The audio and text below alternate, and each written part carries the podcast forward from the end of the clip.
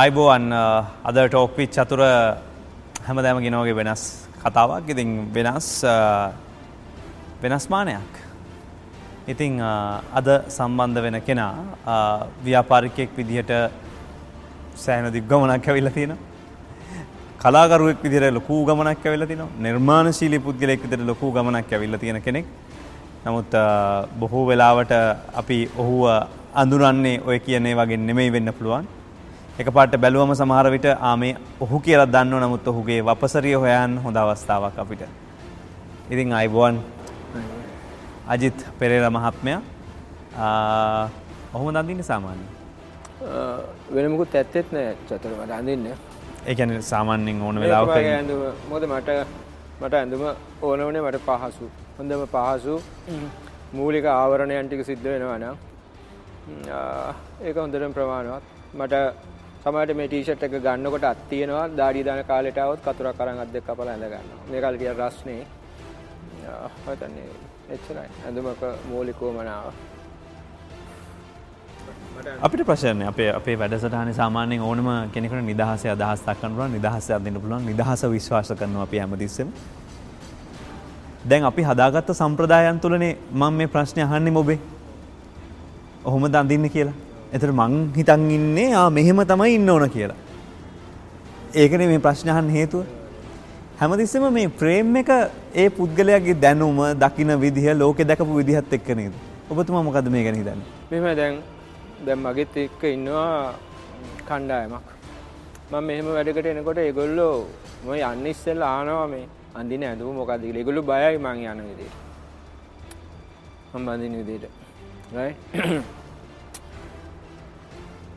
Right ඒ අපිට හදපු පිළිගැනීමේ සම්ප්‍රදායක් තියෙනවා. අපි ඇඳුම අඳින්න ඕනේ මෙහෙමයි කියලා විදිහක් තියෙනවා. ඒ විදිහ හැබැයි මම දකින විදිය හිතන විදිහ නෙමෙයි. අනිත් අයට මාව පේන්න ඕනි විදිහ කියලා මම හිතන විදිහ. right? අපිට ජීවිත නැහැ. අපිට අපි නැහැ. අපි මම චතුරට ඕන විදිහට ඉන්නවා. මං චතුරට ඕන විදිහට මෙතන එන්න ලෑස්ති වුණේ චතුර. මම මම විදිහට මෙතනට ආවේ. සමස්ත රටම එහෙම හිතන දවසට ඔය කියන වෙනස අපිට ගන්න පුළුවන්. අනිවාර්යෙන්ම. මොකද මම නැතුව වෙන කෙනෙක් හිටියොත් වැඩක් නැහැ නේද? එන විදිහ නෙමෙයි වැදගත් වෙන්නේ අපි කතා කරන දේ. එතකොට අපි කතා කරන්නේ මම ඔබට ආරාධනා කරන්නේ ඔබ මේ රටේ මැටි සම්බන්ධයෙන් ඉන්න විශේෂඥයෙක් කියලා හිතන හින්දා. මං හරිද? හරි. හරි. මැටි ගැන ඔබට වඩා විශේෂඥයෝ ලංකාවේ ඉන්න බැයිද? මං කියනවා මම කරන මැටි කර්මාන්තයට මට වඩා දක්ෂෙක් නැහැ කියලා. ඔබ කරන මැටි කර්මාන්තය මොකද්ද? මම කරන්නේ සාම්ප්‍රදායික ලෝක ඉතිහාසයේ පුරාම පැවතිච්ච සම්ප්‍රදායික මැටි කර්මාන්තය. අපි දකින දෙයක් තමයි මානව සංහතියේ ආරම්භයත් එක්කම මැටිත් එක්ක සම්බන්ධයක් තියෙනවා. එතොට ඒ කාලේ පාවිච්චි කරපු දේමද අද කරන්න? මොකද මේ මෙම චතුර.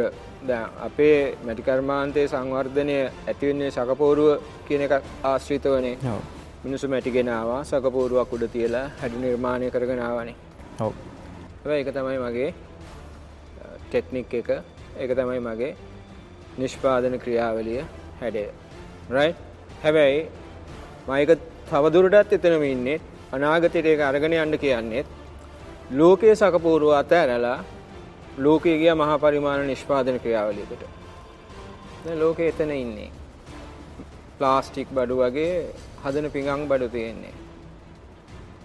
හැබැයි ලෝකෙ හිදසක් හැදලා තියෙනවා මහා හිදසක් අතින් හදන මැටි බඩු වලට. ඒ හිදස පුරවන්න මුළු ලංකාවේ මිනිස්සු බඩු හදවත් බෑ. උදාහරණයක් විදිහට අතින් හදන මැටි බාණ්ඩවලට එම හිඩසක් තියෙනවා කියන්නේ මිලක් නියමනවා කියනකන මිලකුත් තියෙනවා ඉල්ලුමකුත් තියෙනවා. ඔබ කොහෙටද බාණ්ඩ හදන්න? ම ලංකාවේ හැම ෆයිස්ටා හොටෙල් එකටම සෙවන් ස්ටා හොටෙල් එකටම හෙට තියෙනවා. මං හදන මැටි බඩුම පාවිච්චි කරන රෙස්ටෝරන්ස් තියෙන මැටි බඩු කිව්වම මොනවද? මැටි කලද? පිංගං කෝප්පොල ඉඳලා කෝප පිරිසිවල ඉඳලා ඔක්කොම දේවල් හදනවා. ඒ කියන්නේ මගේ මැටි බඩු තම ලංකාව මිල අධික මේවා. සාමාන්‍යෙන් ඔබේ මැටි බඩුවක් ඒකැන දැ මම කතා කරන්නේ කුවල්ලුළු හරි එහෙම නැත්තං අපිට නිකපොත මැටිවලට හරි එහෙම නැත්තක් අපි අපි මේ මේ ප්‍රදේශවල තියෙන අපි මැටි බාණ්ඩවල මිල ගණන් දන්නවන ඒ ගණන් අපි උදාහරණයක් ඉදියට ගත්තොත් දැන් වතුර බොන මැටි කෝප්ප හදලා තියෙනවා ගුරු ලේත්තු හදලා තියෙනවා ඕවා රුපියල් 250 300 ඔය ගණන් වලට ලැබෙන. දැන් ඔබත් මේවා හදන නම් ඔබේ භාණ්ඩයක් කීයද? විකුණන්නේ. මගේ කෝප්පයක් නම් ගන්න බෑ රුපියල් 1000කට අඩුවෙන්. මගේ පිඟානක් ගන්නත් බෑ 2000කට 3000කට අඩුවෙන්. 2000ක 3000ක ඉඳලා ලක්ෂ 2 3 දක්වාම තියෙනවා එකක්. මේ මැටි බඩු? ඔව්. ඔච්ච පිඟානකට මොකද්ද දෙන්න පුළුවන් වටිනාකම? රුපියල් ලක්ෂයක් දීලා පිඟානක් කරන් කන මිනිස්සු ඉන්නවද? ඉන්නේ. ලංකාවේ? ඔව් මම මේ ළඟදී මේ ශැංග්‍රිල්ලා වන් ගෝල් ෆේස් මෝල් එකේ මගේ පුංචි ගැලරියක් ඇරියා. මම හිතන්නේ ලංකාවේ ওই මැටි යන්න ඕන මේ දවස්වල උඩම තැන. ශැංග්‍රිල්ලා ඔය වන් ගෝල් ෆේස් මෝල් එක. හරි? ඔබ විශ්මයට පත්වේවි සකපෝරුවක වැඩ කරන මිනිහෙක් කොහොමද අතන්ට ගියේ කියලා. මේ කතාව අහන්නේ. ඩොලර් 200ක් ඒ කියන්නේ ලක්ෂ දෙකක් තුනක් මාසෙකට කුලිය ගෙවන්න ඕනේ. කුලිය විතරක්. පුංචි ස්පේස් එක.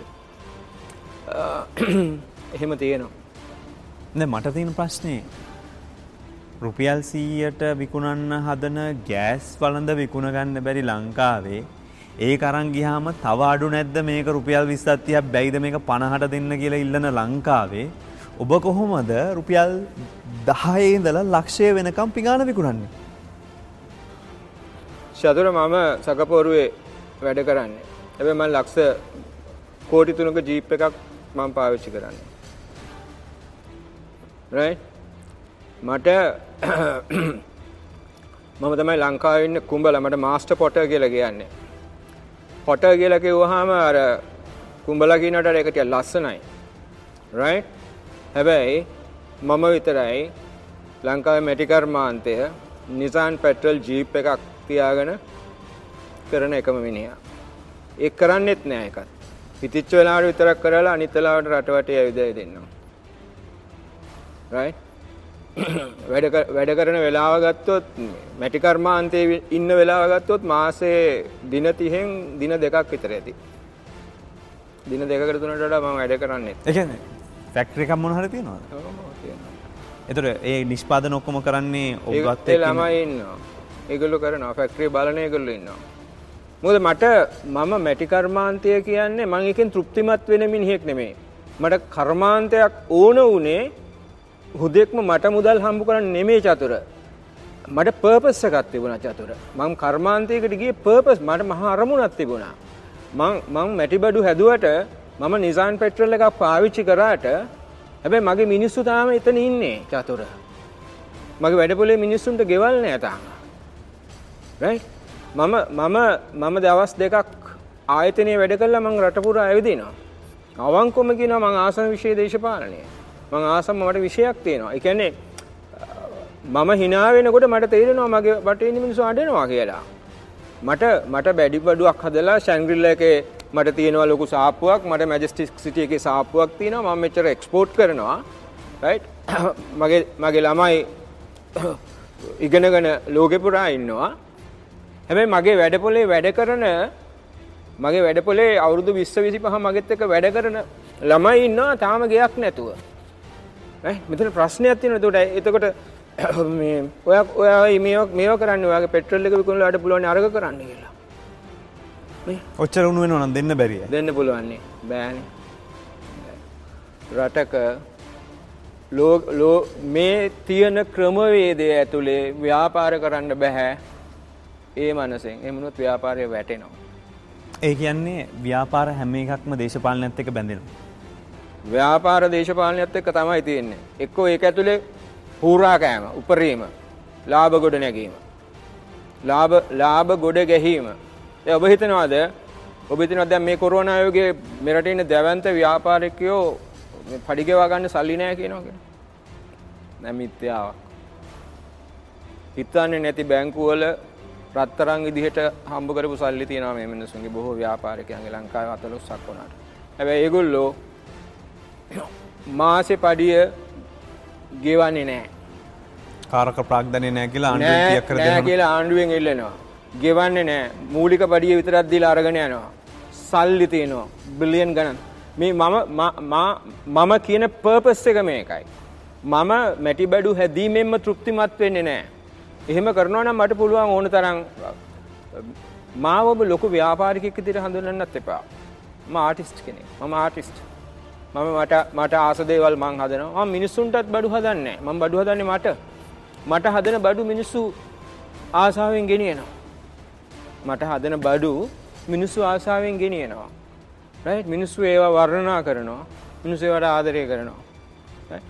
මම දෙදස් මිට අවුරුදු තිහකට කලින් ඔබ විශ්වාස කරනවාද මම හදපු ටීසෙට් එකක් මිට අවුරුදු තිහකට කලනොත් ම විසි පන්දහකට විකුණලා තියෙන කියලා. අවුරුදු තිහකට කලනොත් ම විකුණලා තියෙනවා. ම අද අද ම විකුණනේ මගේ බ්‍රෑන්් එක. මගේ නම? මොකද බ්‍රෑන්් එක? අජිත්. අජිත්. මේ මම බ්‍රෑන්් එක. මගේ මගේ මගේ බ්‍රෑන්් එක මුළු ලෝක පුරාම තින කවරුත් මගෙත් එක්ක මිල ගැන කතා කරන්න කිසිම කෙනෙක් මගෙත් එක්ක මිල ගැන කතා කරන්නේ එකන ඔබට මේ දැන් අපි සකපූරුව මත තියෙන මේ මැටිගුලි අරගෙන බොහොම ලස්සනට විවිධ සායාමරය විවිධ නිර්මාණ කරන්නේ ගමේ ඉන්න මනුස්සයකින් ලැබිච්ච සාම්ප්‍රදායික දැනුම තුළ ලංකාවේ බොහෝ කට්ටිය එක්ක පරම්පරාවෙන් ලැබිලා එක්ක කොහේ හරි පොඩි ඉගෙනීමක් කරලා තියෙනවා. ඔබට දැන් වෙන කොහෙන් හරි ඉගෙනීමක් ලැබෙනවද? ඉතාමත් වැදගත් චතුර ඔය කෑල්ල සාම්ප්‍රදායික මැටි කර්මාන්ත කරුවා සහ මම වෙනස් වුණේ කොතනද කියන එක. මෙන්න මෙතන මෙතන තමයි දේශපාලනය ගැට ගැහෙන්නේ. මම මේකට පුංචි උදාහරණයක් කියන්නම්. ඇයි අපේ වලං කර්මාන්ත කරුවා සාම්ප්‍රදායික මැටිකරුවා මේ මොහොතේනකොට ඒක අතෑරලා සිමෙන්ති පෝච්චි හරි මොනවා හරි හදනවා. උගේ දෙවෙනි පරම්පරාව එකෙන් අයින් වුණා. right? කර්මාන්ත ඉවරයි dying. අපිට මැටි කර්මාන්තයක් නැහැ. ඊට පස්සේ දැන් අර මැෂින් එකක් අරගෙන මැෂින් එකෙන් තල තල අර සම්ප්‍රදායික තලන විදිහ අතෑරලා මේ කාලේ අර අර ටයර් එකක් වගේ කිරිමුට්ටියක කිරි කන්නේ ඕගොල්ලෝ. නේ මොනම මේකක් නද මන් දන්නේ චතුරගේ වයසේ චතුර ඇත්ත කිරිමුට්ටියක් දැක්කද කියලා. චතුර ඒක ඒ අතිශය රමණීය හැඩ ඒවා. රයිට්? චතුර ඒ උනේ කොහොමද? කර්මාන්ත විනාශ උනේ. කුමන හෝ කර්මාන්තයක් විනාශ වෙනවා නම් විනාශ වෙන්නේ ඒකේ ආර්ථික ප්‍රතිලාභ නැති වෙන්න එපා. ආර්ථික ප්‍රතිලාභ තියෙනවා නම් ඕන දෙයක් මිනිස්සු කරනවානේ. අපි කියනවානේ මේ ඊළඟ પરම්පරාව කර්මාන්තෙට එන්නේ නැහැ කියලා. අලුත් පරම්ප මොකටද ඉන්නේ? තමුන්ගේ අම්මා තාත්තා ජීවිත කාලෙම දුක් විඳිනවා. ජීවිත කාලෙම හම්බ කරපු දෙයක් නැහැ. ජීවිත කාලෙම මැටි තැලුවා. ඇයිද? ඇයි ඒ මොකටද දෙවෙනි પરම්පරාව එතනට එන්නේ? නේ අපිට අපිට හරි අපිට කියනවා කට්ටියක් කියලා පොසිටිව් තින්කින් නැතිකම. ධනාත්මක චින්තනය ඕනේ මේකට. හරි? ආකල්ප හොඳ නැහැ. ආකල්ප හොඳ වෙන්න සල්ලි හම්බ වෙන්න ඕනේ. ආකල්ප හොඳ වෙන්න සල්ලි හම්බ වෙන්න ඕනේ. ඒ කර්මාන්තේ ඉන්න මිනිහෙකුට සල්ලි හම්බ. හැබැයි මම වෙනස් වුණේ කොහොමද? මම චතුර සාම්ප්‍රදායික මැටි කර්මාන්ත පවුලක කෙනෙක් නෙමෙයි. මම උරුමයෙන් නෙමෙයි එක ගෙනාවේ. මට මට තිබුණා මම වැඩ කරන්නේ චතුර මේ ඉන්ටියුටිව් පවර් කියලා එකට කියන්නේ. ඕනෙම මිනිහ චතුර මන් සමහරට පුළුල් මාතෘකාවක් හින්දා විවිධ මාතෘකා වල යනවා පොඩ්ඩක් ඔය ලයින් එකට ගත්තට කමන්නේ අපි යන් කතාවේ. right. ඒ කියන්නේ ඉන්ටියුටිව් පවර් එකෙන් ඉන්ටියුටිව් පවර් කියන්නේ හැම දරුවෙක්ම උපදිනකොට මෙන්න මේ ඉන්ටියුටිව් පවර් එක තියෙනවා. හැම දරුවෙක්ම උපදින්නේ නිර්මාණශීලී මිනිහෙක් විදිහට දරුවෙක් විදිහට. ඔය උපදිනකොටම පොසිටිව් තින්කින් කියන එක පොසිටිව් තින්කින් නැත්තම් පොඩි එකෙක් කවදාවත් ඇවිදින්නේවත් නැහැ. ඇඳේ ඉඳීමේ අතට. මේ කකුල උස්සලා මේ කකුල තියන්නේ තියෙන කකුල පිළිබඳ විශ්වාසයෙන් පොඩි එකෙක්. වෙර වීරිය සියල්ල තියෙනවා. ඔව් දන්නවා වැටෙන්නේ කියලා. ඒක අරගෙන තමයි මේ කකුල තියන්නේ චතුර. හරිද? ඒකින්ද පොසිටිව් තින්කින් කියන්නේ කතා නොකළ යුතු කතාවක්. right? අපි අපි ඒ ඒ හැකියාව කොහෙද අපේ කපන්නේ? චතුර ඔය මෙන්න මේක හොඳට බලන්නකෝ. දෙකෝටියක් මිනිස්සු උපදිනවා දෙකොටියක් මිනිස්සු උපදිනවා හැම මිනිහෙකුටම වෙනම බාකෝඩ් එකක් තියෙනවා. මම කියන්නේ බාකෝඩ් එකක්. විද්‍යාව විසින් යම්කිසි දිනක මිනිහාගේ මෙන්න මේ බාකෝඩ් එක රීඩ් කරන බාකෝඩ් රීඩර් එක හැදුවොත් ඒ රීඩර් එක කියයි චතුර කවුද කියලා. චතුරට තියෙන ලෙඩ මොනවද? චතුරගේ DNA වල හිතන විදිය චතුර. චතුර පතන විදිය ඔක්කොම මේ බාකෝඩ් රීඩර් එකට කියයි. මටත් තියෙනවා බාකෝඩ්. මේ මගේ බාකෝඩ් එක තමයි. රයිට් තාම විද්‍යාව හොයාගෙන නැහැ බාකෝඩ් රීඩර් එකක්. එහෙනම් දෙකෝටියක් බාකෝඩ්ස් තියෙන. දෙකෝඩියක් විවිධ බාකෝඩ්ස් තියෙන මේ මිනිස් සමාජය කොහොමද එකම විදිහකට හිතන්නේ? අපේ රටේ. දෙකෝටියක් හිතන විදිය ඕන්නම් දෙවිදිහකට පෙට්ටි දෙකකට දාන්න පුළුවන් උපරිම පෙට්ටි තුනකට දාන්න පුළුවන්. දෙකෝටියක් මිනිසුන් දෙතුන් විදිහකට හිතන්නේ කොහොමද? මේ රටේ මිනිස්සු හිතන විදිය ගත්තොත් හිතන විදිය වර්ග තුනකට එන්න පුළුවන්. මේ දේශපාලන තීන්දුව ගන්න. ආර්ථික ක්‍රියාවලි පිළිබඳ ආගම දහම පිළිබඳ ජාතිය පිළිබඳ සංස්කෘතිය පිළිබඳ ගන්න ඔක්කොම තීන්දු ගත්තොත් වර්ග දෙකයි හරි වර්ග තුනයි හැබැයි දෙකෝටියක් බාකෝට් කොහොම දෙක කරන්නේ දෙකෝටියක් බාකෝට් බාකෝඩ් දෙකට පෙරලන්නේ මේ හැම මිනිහෙක්ම උපන්දා ඉඳල මේ ජීවිත ගමන් මාර්ගයේ එක ටනල් එකක් අස්සෙන් යනවා. ඒ ටනල් එක තමයි මේ අධ්‍යාපන ක්‍රම මේ এডুকেෂන් සිස්ටම් එක. මේ අධ්‍යාපනය විසින් පළමුවෙන්ම කරන්නේ මේ ඉන්ටියුටිව් පවර් එක කපනවා. ළමයින්ගේ. ඉන්ජෙක්ෂන් එකක් ගහනවා ටර්මිනේටර් ජීන් කියලා මම ඒකට කියන්නේ. ටර්මිනේටර් කියලා ජීන් එකක් ගහනවා අධ්‍යාපනය ඇතුලේ. ටර්මිනේටර් ජීන් එක කියන්නේ චතුර දන්න නේද මේ ඔය මම දන්නවා උඩවල එහෙම තියෙනවා රෙඩ් ලේඩි කියලා ගස් ලැබු ගෙඩියක්. හරිද? හැබැයි ඒකේ ඇට නැහැ චතුර. ඒ ඇටේ ගන්න ඕනේ හදපු කම්පැනියෙන්ම තමයි. බීජේ ගන්න ඕනේ කම්පැනියෙන්ම තමයි. හරි? එක ඇටයක් දෙකක් තියෙන හැබැයි පැලවෙන්නේ නැහැ. ඒ කොහොමද දන්නවද චතුර ඒක වෙන්නේ? ඒ ඒ තරුණ අවදියේදී ඒ gediya ඇතුළෙම එනවා ජීන් එකක් ටර්මිනේටර් කියලා ජීන් එකක්. ඒ ජීන් එක අරගෙන තියෙන රීප්‍රොඩක්ටිව් ඇබිලිටි එක නැවත දරුවන් හැදීමේ ඇබිලිටි එක කපනවා. එයාට ආපහු දරුවෝ හදන්න බෑ. ඒ ගස් ලැබු ගෙඩියට දරුවෝ හදන්න බෑ. රයිට්? අපේ ඉස්කෝලෙත් දරුවන් වැදීමේ හැකියාව ඉතුරු කරලා නව දෙයක් කිරීමේ හැකියාව මරනවා. ටර්මිනේටර් ජීන් එකෙන්. අපි හදන්නේ රස්සාවලට මිනිස්සු මිසක් අපේ රට අලුත් වැඩ කරන්න මිනිස්සු නෙමෙයි හදන්නේ අපේ රට. අපේ රටේ මොන විද්‍යාව ඉගෙන ගත්තත් මොන විෂය ඉගෙන ගත්තත් ඔක්කොම ගිහිල්ලා කාගාහරි රස්සා කරනවා. කී දෙනායිද තමුන්ගේ ව්‍යාපාර පටන් ගන්නෙ? ගණන් කරලා කියන්න බලන්න entrepreneurship development මේවා තිබ්බත් කීයෙන් කී දෙනායිද තමුන්ගේ කර්මාන්තයක් පටන් ගන්නෙ? පටන් ගන්න බෑ. කොහොමද පටන් ගන්නේ? ඇති පටන් ගන්න බෑනේ මොකද ඒකට ඒ දරුවගේ අම්මයි තාත්තයි හැදලා ඉන්නේ ඒ සිස්ටම් නෑ නෑ නෑ ඉතින් ඒගොල්ලොත් කියන්නේ නෑ ඔයා ඕක කරන්න ඔයා අර කියන්න ඔයා මෙන්න මේක කරන්න ඕන කියලා. ඉතින් එතකොට දරුවා ඒක ඇතුළේම තමයි ජීවත් වෙන්නේ. නෑ නෑ එහෙම අධ්‍යාපන ක්‍රමයක් ඕනේ නෑනේ. දැන් අම්මා හදන අම්මා තාත්තා කියන දේ කරනවා නම් අධ්‍යාපන ක්‍රමයක් ඕනේ නෑනේ. රටකට අධ්‍යාපන ක්‍රමයක් ඕනේ. රටට අවශ්‍ය මිනිහා නිර්මාණය කරගන්නනේ. හැබැයි අපි රටට අවශ්‍ය මිනිහා කියලා අපි හදන්නේ කවුද? ටයිල් ෆැක්ටරියට පූර්ණ ලෝඩ් කරන එකක්. එහෙම නැත්නම් රබර් කිරි කපන මිනිස්සු. එහෙම නැත්නම් ටූරිසම් එකට ඕන කරන වේටර්ලා ටික. ඈ ඒක මාර වැඩක් නේ චතුර. රටට අවශ්‍ය මිනිහා මෙයාද? කවුද අපිට ඕන මිනිහා? මේ රට හදන්න ඕනේ මිනිහා කවුද? අධ්‍යාපනය ඇතුලේ හදන්න ඕනේ මිනිහා කවුද?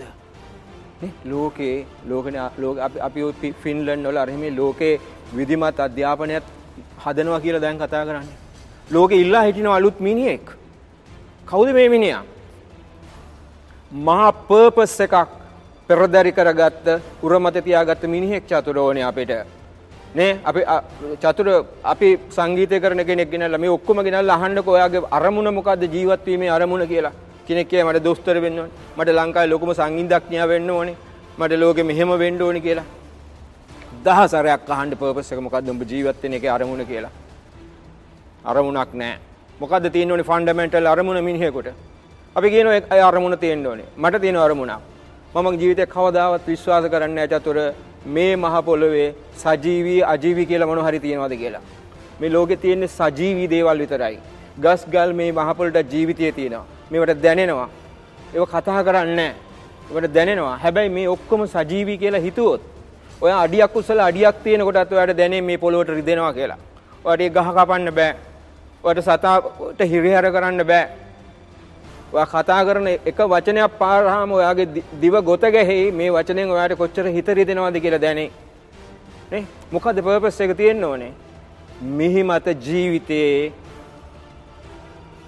කිසිම දෙයකට සියලුම දේවල් වල දීර්ඝකාලීන යහපත් පැවැත්ම එන්ෂුව කරන්න ඕනේ. ස්ථිර කරන්න ඕනේ.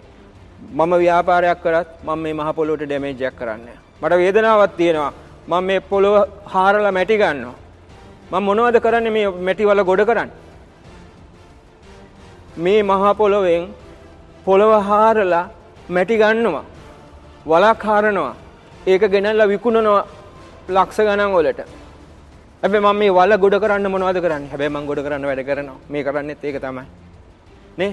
ඔබ දන්නවද මැටි භාණ්ඩුවක් හදන්න ඔය කියන සෙන්ටිග්‍රේඩ් 1200ක 300ක උෂ්ණත්වයට මේ මැටි පිච්චුවාට පස්සේ tiniest particle එකට කුඩාම අංශුවකට කුඩු කරත් නැවත මහ පොළොට එකතු වෙන්නේ නැවත මහ පොළොවට එකතු වෙන්නේ නැහැ. ඉතින් ඔය කියන තරම් පරිසර හිතකාමීත් නැහැ. නෑ.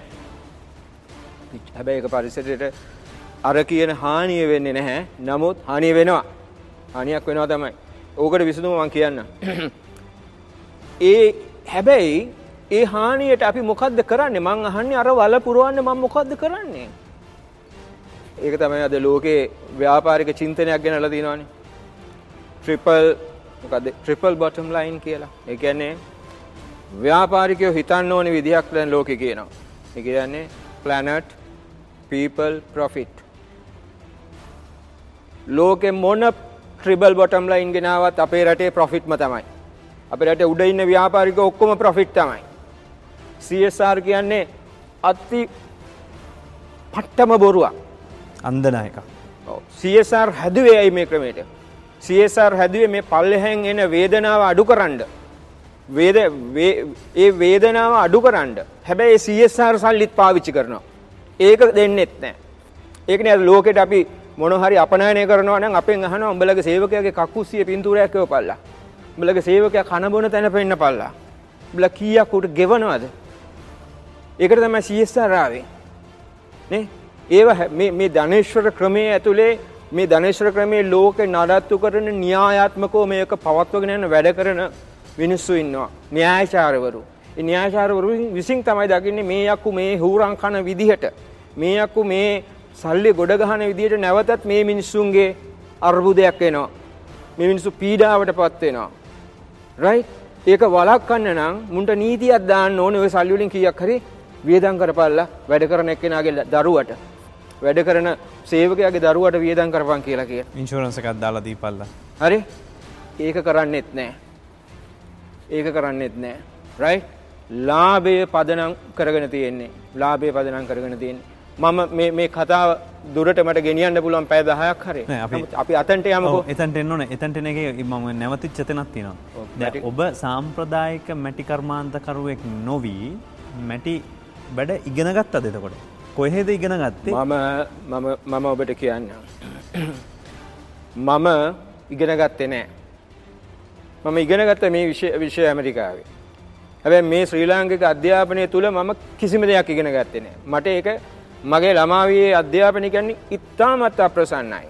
ඒ කියන්නේ මම කරේ චිත්‍ර අඳින එක. මම මගේ මගේ අම්මා තාත්තා දන්නෙත් නෑ මං කවුද කියලා. ලෝකේ කවුරුත් දන්නෙත් නෑ මං මේ මේ මිනිහා කවුද කියලා වෙලා. මම කවුද කියලා වෙලා. right? මම මම පරිසරයේ එක්ක හිටියේ.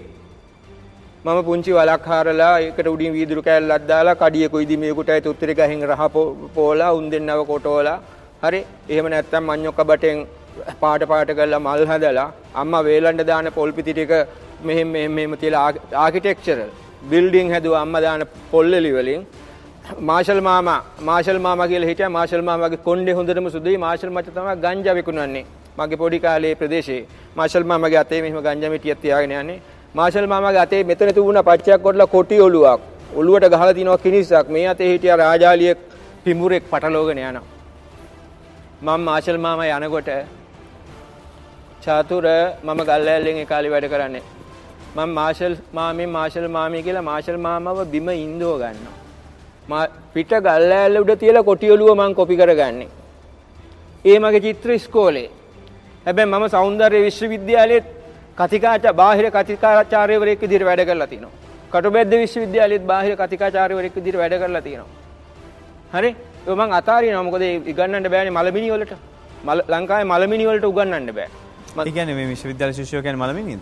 ඔව්. ඔක්කොටම මන් දන්නේ මම උගන්වන්න ගියාම මං කියන එකට උත්තර දෙන්නේ නැත්තම් මං කියන එක නිශ්ශබ්දව අහගෙන ඉන්නවා නම් කතා කරන්න කිව්වහම කතා කරන්නේ නැත්තම් මං කොහොමද උගන්වන්නේ? මැටි වැඩ කියන්නේ මට තේරෙන්නේ නැහැ ඒක මොකද්ද කියලා එහෙම කොහොමද ඉගෙන ඔබ ගන්නේ? කියන්නේ නිර්මාණශීලී මිනිසා මේ අධ්‍යාපනයෙන් මරලා ඉවලා තියෙන නෑ, තැනද නෑ, කියලා? නෑ. එහෙනම් මොකද්ද මේ කියන්නේ? නෑ මරලා තියෙන්නේ. ඔහුට මේක දැනෙන්නේ නැහැ. ඔහු මේක ගන්නෙ නෑ. මේක ගන්න බෑ ඔහුට. නේ? ඒ- ඒ- එහෙම මොකද මම එත- මම උගන්නපු කිසිම තැනක සල්ලි අරන්නේ නැහැ. මං කියන්නේ මට සල්ලි එපා. මම මතකයි මං වරක් සෞන්දර්ය විශ්වවිද්‍යාලේ මම ළමයින්ට කිව්වා මං අ- මගෙන් ඉගෙන ගන්නවා නම් මං එනකොට උඹලා නැගිටපල්ලා. මට මේ මේ- මේ සගපෝරු සුද්ධ කරලා මැටි අතු ගාලා ඔක්කොම සුද්ධ කරලා තියපල්ලා නැත්තම් මම මෙතෙන්ට උගන්වන්න එන්නේ නැහැ. මම මම සල්ලි වලට නෙමෙයි උගන්වන්නේ. මම සල්ලි වලට නෙමෙයි උගන්වන්නේ නේ.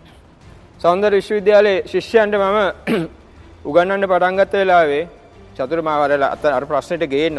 කියනවා ආයි කියනවා. ඒක දැන්? ඒකත් ආයි ගියා. ඔව් ඒ උගන්වන්න ගිය වෙලාවේ මට වුණා මැටි කර්මාන්තය පිළිබඳ මූලික අවබෝධයක් මේ කට්ටියට දෙන්න. හරිද? මොකද සංකල්ප ඕනේනේ. ඒ කියන්නේ කොන්සෙප්ට්ස් නැතුව මොකුත් කරන්න බෑ සංකල්පයක් තියෙනවනේ. රටක් ගෙනියන්න නම් සංකල්පයක් ඕන. මං කිව්වා මට ප්‍රදර්ශනයක් කරමු. ප්‍රදර්ශනයේ නම 100 balls. බෝල් එකක් වෙන රත හොදන කෝප්පේ තියෙන ඒ වගේ ෂේප් වල තමයි බෝල්ස් කියන්නේ. චතුර විශ්මය දැනකම හැඩේ මොකක්ද දන්නවද? ලෝකේ හදන්න පුළුවන්. බෝල් එක. මෙහෙම ලස්සනට තියෙන බෝල් එක. හදන්න බෑ මේ ලෝකෙකට හරිද? ඔක බෝල් එකක් මිලියන් ගණන් වලට ලෝකෙ විකුණනවා. ඔය අත හොදන කෝප්පේ වගේ මෙහෙම ඒවට පණ තියෙනවා. ඒ කියන්නේ මේ මැෂින් කට් එකක් පුළුවන්.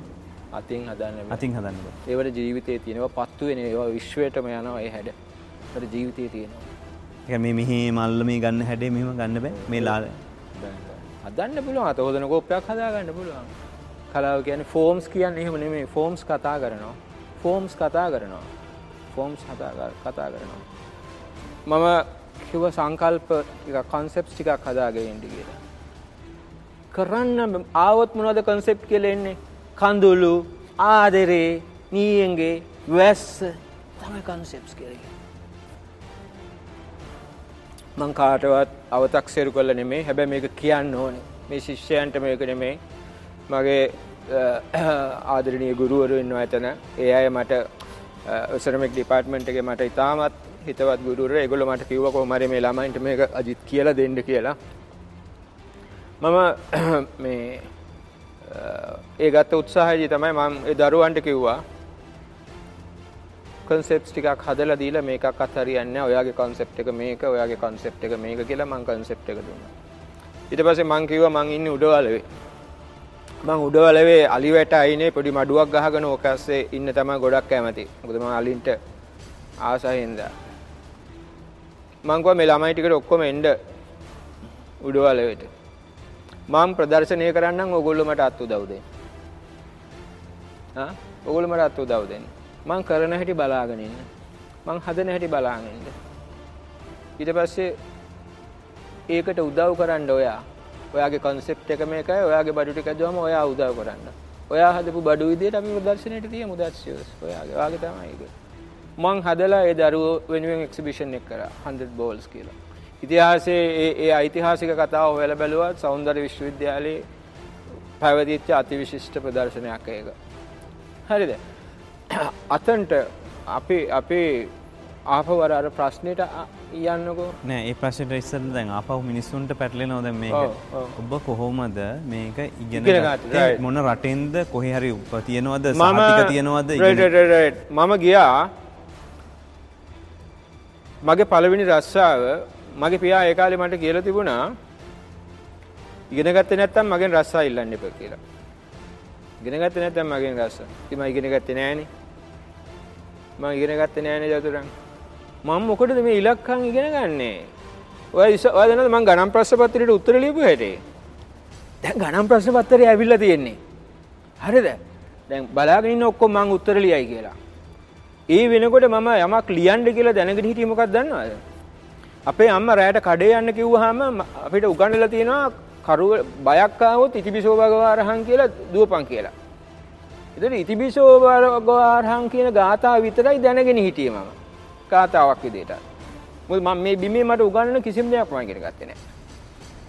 මම මුළු ප්‍රශ්න පත්‍රයේම හැ- තියෙන හැම හිස් තැනකම ඉතිබිසෝ භගවා අරහං සම්මා සම්බුද්ධෝ කියලා ලිව්වා. වචනයක් අල්ලගෙන. සමහර තැන්වලට ප්‍රශ්න උත්තර වලත් ලිව්වා. ඇයි මං ඇයි මං එහෙම කරන්නේ? මොකටද? මොකටද මං එහෙම කරන්නේ? මම ඉගෙන ගත්තේ නෑ මං කවද? මං චක්කර පාඩම් කරන්න ගියේ නේ. හැබැයි මම ඒ පාසලේ හිටපු ජනප්‍රියම ගුරුවරුන්ගේ ආදරයට ලක් වෙච්ච ශිෂ්‍යයා. හැම ගුරුවරයෙක්ම මට ආදරෙයි. මමත් ගුරුවරයන්ට ආදරෙයි. සමහර ගුරුවරියෝ එනකම් මම බලාගෙන ඉන්නවා ගේට්ටුව ගාටලා ඉස්කෝලේ. ඒගොල්ලෝ ආවහම තමයි මට නිකන් සතුට දැනෙන්නේ. ඒගොල්ලන්ට චිත්‍රයක් ඇඳලා දෙන්න, ඒගොල්ලන්ට පෝස්ටර් එකක් ඇඳ ගන්න. ඒගොල්ලන්ට නාට්‍යයක් කරනකොට ඒගොල්ලන්ට මාව ඕනේ. රයිට් මම ඉස්කෝලේ ජනප්‍රියම ශිෂ්‍යයා. මම ඉගෙන ගත්තේ නැති හින්දා මට රස්සාවක් හම්බුන්නේ නැහැ. අස. පස්සේ මම ශ්‍රී ලංකා පිඟන් සංස්ථාව කියලා ආයතනයක් ඉස්සර තිබුණා. මම පිඟන් සංස්ථාවට ගියා. පිඟන් සංස්ථාවට ගියාම මට හම්බුණු රස්සාව තමයි මගේ ඩෙසිග්නේෂන් එක උනේ කොන්ට්‍රැක්ට් බේස් අන්ස්කිල් ලේබර්. කොන්ත්‍රාත් පදනමේ නුපුහුණු කම්කරු කෑලි ගානට අඳින්න තිබුණේ. පළවෙනි මාසේ පඩිය තිබුණේ රුපියල් 9යි. පිගානේ ඉරි අඳින්න. ඕ එතකොට පිඟානක අඳින්න බෑ කොලේ යන්දට. ඒක ලේසි වැඩක් නෙමෙයි. මල් අඳින්න ඒක ලේසි වැඩක් නෙමෙයි. ජපානයේ හරි විශිෂ්ට පින්සලෙන් අඳින්නේ එහෙමනේ. ඒ ඇඳපු ඔක්කොම රිජෙක්ට් කළා. චතුර චතුර මම මම ඒ කාලේ මම යනවා බ්‍රිටිෂ් කවුන්සිල් එකට US ඇමරිකන් සෙන්ටර් එකට ගිහිල්ලා පින්තූර බලනවා පොත්වල. පොත්වල පින්තූර බලනවා. මැටි කර්ම මැටි මැටි පින්තූර බලන්නේ පෝච්චි අරවා මේවා. ඔය මුළු වකවානුවම මම කොන්ත්‍රාත් පදනමේ සේවකයෙක් මේ මේ පිඟන් සංස්ථාවේ. මම දවසක් ගිහිල්ලා එවකට හිටපු ජෙනරල් මැනේජර්ට මං දවසක් ගිහිල්ලා හැබැයි ඒ කාලෙත් මිනිස්සු මට පොඩි සැකෙන් මන් දිහා බලන්නේ. මගේ ඇඳුම නිකන් හරි අවිධිමත්. මං කා එකක් කතා කරන්නේ පොඩි කිලිටු ගතියකුත් තියෙනවා. ඒකින්ද ටිකක් මයි ගාවට කිට්ටු වෙන්නත් පොඩි අකමැත්තක් තිබුණා. සිකියුරිටි ගාඩ්ලා වුණත් මාව නිකන් අල්ලලා චෙක් කරන්නේ. මගේ පෙනුම හරි මේ එකත් මිනිස්සුන්ට අඳුර ගන්නත් බෑ මම කවුද මොන වර්ගයේ කෙනෙක්ද කියලා. මම ජෙනරල් මැනේජර්ට ගිහලා කිව්වා සර් ලෝකේ තියෙනවා මෙන්න මෙහෙම කර්මාන්තයක් ස්ටුඩියෝ සෙරමික්ස් කියලා. ස්ටූඩියෝ පොටරි කියලා කර්මාන්තයක් ලංකාවේ තාම ඒක දන්නේ නැහැ. මම ඒක තමයි කරන්නේ. ස්ටූඩියෝ සෙරමික්ස් කියලා කර්මාන්තයක් තියෙනවා. අපි මේක මෙහි පටන් ගමු කියලා. ජෙනරල් මැනේජර් ගාවට යන්න ඉස්සෙල්ලා මං ගියා ෆැක්ටරි මැනේජර් ගාවට. ෆැක්ටරි මැනේජර්ට මේක කිව්වම ෆැක්ටරි මැනේජර් කිව්වා කක්කුසි පූච්චියක් හදනවා බං ඔයිට වඩා හොඳයි ඕව මොකට ඕව කරන්න කිව්වා. ඊට පස්සේ ආචාර්ය ගුණසේකර කියලා උගත් මහත්තයෙක් ජෙනරල් මැනේජර්ට මං එතුමා ගාවට කිව්වාම එතුමා මට කිව්වා ඔයා ප්‍රදර්ශනයක් කරන්න ප්‍රදර්ශනයට පහුවෙන්දට මම ඔයාව රස්සාවට ස්ථීර කරනවා ආගේ පඩුව පඩිය මෙතෙන්ට වැඩි කරනවා කියලා. මයි මගේ මිත්‍රයෙක් තිසදී අල්ලිස් කියලා අපි දෙන ලංකාවේ පළවෙනි ස්ටුඩියෝ සෙරමික්ස් එක්සිබිෂන් එක 1900 1970 ගණන් වල අවසාන භාගයේ හැරි මුල් භාගයේ ලංකාවේ කරා පින්තූර බලලා කරේ. පින්තූර බලලා කරේ. එදා ඒ පටන් ගත්ත ගමනේ මම වාහනේ මම වාහනයක යනකොට මම ආයතන හදලා මම වැඩපොළවල් හදලා ඔක්කොම කරද්දී ඒ ආයතන වල හිටපු ලොක්කෝ මට බස් ස්ටෑන්ඩ් වල ඉන්නවා අහුම්බ වෙලා තියෙනවා. බස් ස්ටෑන්ඩ් වල පයින් යන හම්බ වෙලා තියෙනවා මට. මම ආයතන හදලා. රයිට්? චතුර මේක සහ මුලින්ම වැරදි. මේ මේ රට මිනිස්සු තෝරන විදිය මිනිසුන්ගේ නිර්මාණාත්මක හැකියාවල් අගය කරන විදිය ඒක අඳුර ගන්න විදිය මම මම ඊට පස්සේ ශිෂ්‍යත්වයක් අරගෙන ඇමරිකාවේ ගිහිල්ලා ඔය පෝරුණු හදන හැටි මේවා ඉගෙන ගත්තා. මට ඔය ගොන්කා අවෝඩ් එක ජපනීස් එම්බසි එකෙන් හම්බෙච්ච එක හම්බ වුණාට පස්සේ මම ජපානයේ ප්‍රදර්ශන කරා. මේ හැම ප්‍රදර්ශනයකදීම හැම තැනකදීම මට ආපු ප්‍රශ්නයක් තිබුණා. චතුර මට එතන ඉගෙන ගන්න දෙයක් තිබුණේ නැහැ චතුර මං ඉගෙනගෙන තිබුණේ. ඉගෙන මගේ ඔළුවේ තිබුණා මේ මේ මේක මගේ ඔළුවේ තියෙනවා. මට බිමට දාන්න බෑ චතුර. මැටි මැටි මහ පොළවේ තිබ්බට මැටි වලින් බඩු හදන්න බෑ චතුර. ඔය හදන්න පුළුවන් ඔය වලං විතරයි. හැබැයි වළඳත් හදන්න පුළුවන් ද මහ පොළවේ මැටි වලින්? චතුර වලංකරුවෙක් ගත්තොත් ඔහු දන්නවා ඒකේ පදම මොකක්ද කියලා. ඔහු දන්නවා ඒකට වැලි කොච්චර දාන්න ඕනේද කියලා. උගේ අම්මා අම්මා තාත්තගෙන් ඉගෙනගත්ත දෙයක් තියෙනවා. ඔහු දන්නවා ඒක වේලන්න ඕනේ ක්‍රමය. ඔහු දන්නවා ඒක පෝරුවට දාලා පුච්චන්න ඕනේ ක්‍රමය. හරි? ඒ වගේ මම ඇමරිකාවේ ගිහිල්ලා කොච්චර ඉගෙන ගත්තත් ලංකාවට ආවහම ඇමරිකාවේ ඉගෙන ගත්ත අමුද්‍රව්‍ය ලංකාවේ නෑ. ඇමරිකාවේ පූර්ණුව මෙහි නෑ. ඇමරිකාවේ ග්ලේස් ටික මෙහි නෑ. මොකටද අර ඉගෙන ගත්තේ? මැටි පෝරණුව, දහය පෝරණුව, ගෑස් පෝරණුව, විදුලි පෝරණුව ඔක්කොම පෝරණු ටික බලලා එහෙ එනවා මෙහෙ නෑ. මෙහි නෑ. මෙහි නෑ. කොතනද මේ ප්‍රශ්නේ ආවේ? මට හැමදාම වේදනාවක් තිබුණ චතුර. ඒ කියන්නේ මම මම මම මම මම ගොඩාක් රටවල ඇවිදලා තියෙනවා චතුර. ගොඩාක් රටවල ඇවිදලා තියෙනවා. right? මං මං එනකොට එන්නේ ටී-ෂර්ට් එකක්වත් අරගන්න නැතුව චතුර මං එන්නේ. මම සමහරවිට බලලා මට බලනකොට මතක් වෙනවා මගේ මිනිස්සුන් කවදද මේක බලන්නේ. මට ටී-ෂර්ට් ගන්නවා නම් මගේ යාළුවෝ මිත්‍රයෝ කී දෙනෙක් ඉන්නවද මට ගන්න? එහෙම ගන්න බෑනේ ඉතින්. අන්තිමට මමත් මුකුත් නොගෙන එනවා. ඇවිල්ලා මේ කළු පාට ටී-ෂර්ට් එකක් අරගෙන ඇඳගෙන ඉන්නවා. right? මම කියන්නේ මේ අතෘප්තිමත් භාවය මං ජීවිතේ පුරාම කැටි කරගෙන එනවා. මට මම හම්බ කරාට මට කන්න බෑ. මට විඳින්න තිබුණාට විඳින්න බෑ මොකද මගේ අවට ඉන්න මිනිස්සු විඳින්නේ මම මැටි කර්මාන්තේ ඉගෙන ගත්තේ මූලික අවබෝධයේ මැටි කර්මාන්තයට අදාළව එන්නේ ශ්‍රී ලංකා පෙඟන් සංස්ථාවේ. right? චතුර චතුර මම විනාශකාරී. මම මම පැහැදිලිව කියනවා මම මැටි කර්මාන්තකරුවෙක් උනේ කොහොමද කියන එක බැලුවොත් මං කියනවා පැහැදිලිවම පිගන් සංස්ථාවේ මැටි ගුලිය ගුලිය කුඹලෙක් ගේන වගේ හොරකම් කරා මම. මට මැටි නෑ අඹන්න. මැටි ගන්න තැනක් නෑ. සූටි මැටි ගුලියක් අරගෙන ඒක සිකියුරිටි එකෙන් අරන් එන්නේ කොහොමද අහු වුණොත් එහෙම හැබැයි වාසනාවට මගේ පෙනුමට මාව කවුරුත් චෙක් කරන්නේ නැහැ මගේ පෙනුම ටිකක් තිබුණා ලොක්කෙක්ගේ පුතෙක් වගේ. ලොක්කෙක්ගේ පුතෙක් තමයි මගේ තාත්තා හොඳ ලොක්කෙක්. පට්ට ලොක්කෙක් මගේ තාත්තා. හොඳ දේශපාලන. හරි. හොඳ පෞරුෂයක් තිබිච්ච මිනිස්සෙක්. මගේ මා අනිතක මගේ හැසිරීම මට තිබුණා පට්ට ක්වොලිටි හැසිරීමක්. නම්බුකාර හැසිරීමක්. හැම මිනිස්සුත් එක්ක මම ආදරෙන් හොඳින් හිටියා. හැම මිනිස්සු මට ආදරේ. ඔයා විශ්වාස කරනවද? මං මම හිඟා කනවා දැනුම ඉංජිනේරු මහත්තුරුන්ගෙන් ගිහිල්ලා අහනවා පූර්ණුවක් හදන්න බැරිද? කොහොමද හදන්නේ? ඒගොල්ලෝ උත්තර දෙන්නේ ඇවිදින ගමන්. නැවතිලවත් කියන්නේ ඔය කරන්න බෑ කියලා. හරි? මම ආටිස්ට් කෙනෙක්. මට ටෙක්නොලොජි මට තේරෙන්නේ හරි ඒක තමයි ලෝකේ ලෝකේ ලෝකේ කර්මාන්ත හැදුවේ ආටිස්ට්ලා මැටි අඹරන්නේ යන්නේ කඩේට ගියාම මැටි ටික තියෙනවා කඩේට ගියාම ග්ලේස් ටික තියෙනවා සිමෙන්ති කොට්ට ගන්නවා වගේ. කඩේට ගියාම පින්සල තියෙනවා. තොග ගණන් ගන්න ඕනේ නැහැ. කිලෝ එක හරි ගෙදර තියාගෙන ඇඳා ඉන්නේ සකපොරුව තියාගෙන මැටි බඩු හදන රටවල් ලෝකේ තියෙන්නේ. මිනිස්සු එහෙමයි ක්‍රාෆ්ට් කරන්නේ. ටීවී මම මගේ ගාව තියෙනවා සමහර මේ මේ මේ මේ සකපොරු ඒවයි තියෙනවා මේ ඒ කියන්නේ ෆීචර්ස් ටෙලිවිෂන් එකට ඉෆෙක්ට් වෙන්නේ නැති වෙන්න හදලා තියෙන ඒවා. ඒ කියන්නේ ටෙලිවිෂන් එක බලන ගමන් සකපොරුවේ බඩු හදන්නේ මිනිස්සු. ගේ ඇතුලේ. ගිහිල්ලා බලන්නකෝ අපේ අපාය කොහොමද කියලා මැටි බඩු හදන එක. නේ? හැබැයි ලෝකේ ටෙලිවිෂන් එක බලන ගමන් නිදාගන්න කාමරේ තියාගෙන මැටි වැඩ හදන තැනට අරගෙන ගියා. ඒවා. right? දැන් මේකේ අපි ඔක්කොම මේ නිර්මාණ කරණය ගැන කතා පොඩ විනාඩියක් ඉන්න ඕනේ අතට. හරි. මම හිමින් හිමින් හොරකම් කරලා කුඹලා වගේ හදාගත්ත චූටි බඩු ටිකක් තිබ්බනේ. හදලා ඉවරලා සද්ද නොකර හදලා ඉවරලා අර මහා පෝරුණු ඇතුලේ දාලා පොඩි කෑල්ලක් පුච්ච ගන්නවා. පුච්චගෙන ඔය කෑල්ලත් ගෙනල්ලා එකතු කරනවා. එකතු කරලා කාර්මික සංවර්ධන මණ්ඩලයට ලංකාවේ තියෙන ඔය ක්‍රාෆ්ට් කවුන්සිල් ඒ කාලේ තිබිච්ච ඔය ඔක්කොටම ගිහිල්ලා කියනවා සර් මට මේවා හදන්න පුළුවන්. සර් මට මේවා හදන්න පුළුවන්. මට උදව් කරන්න කියලා වෙලා.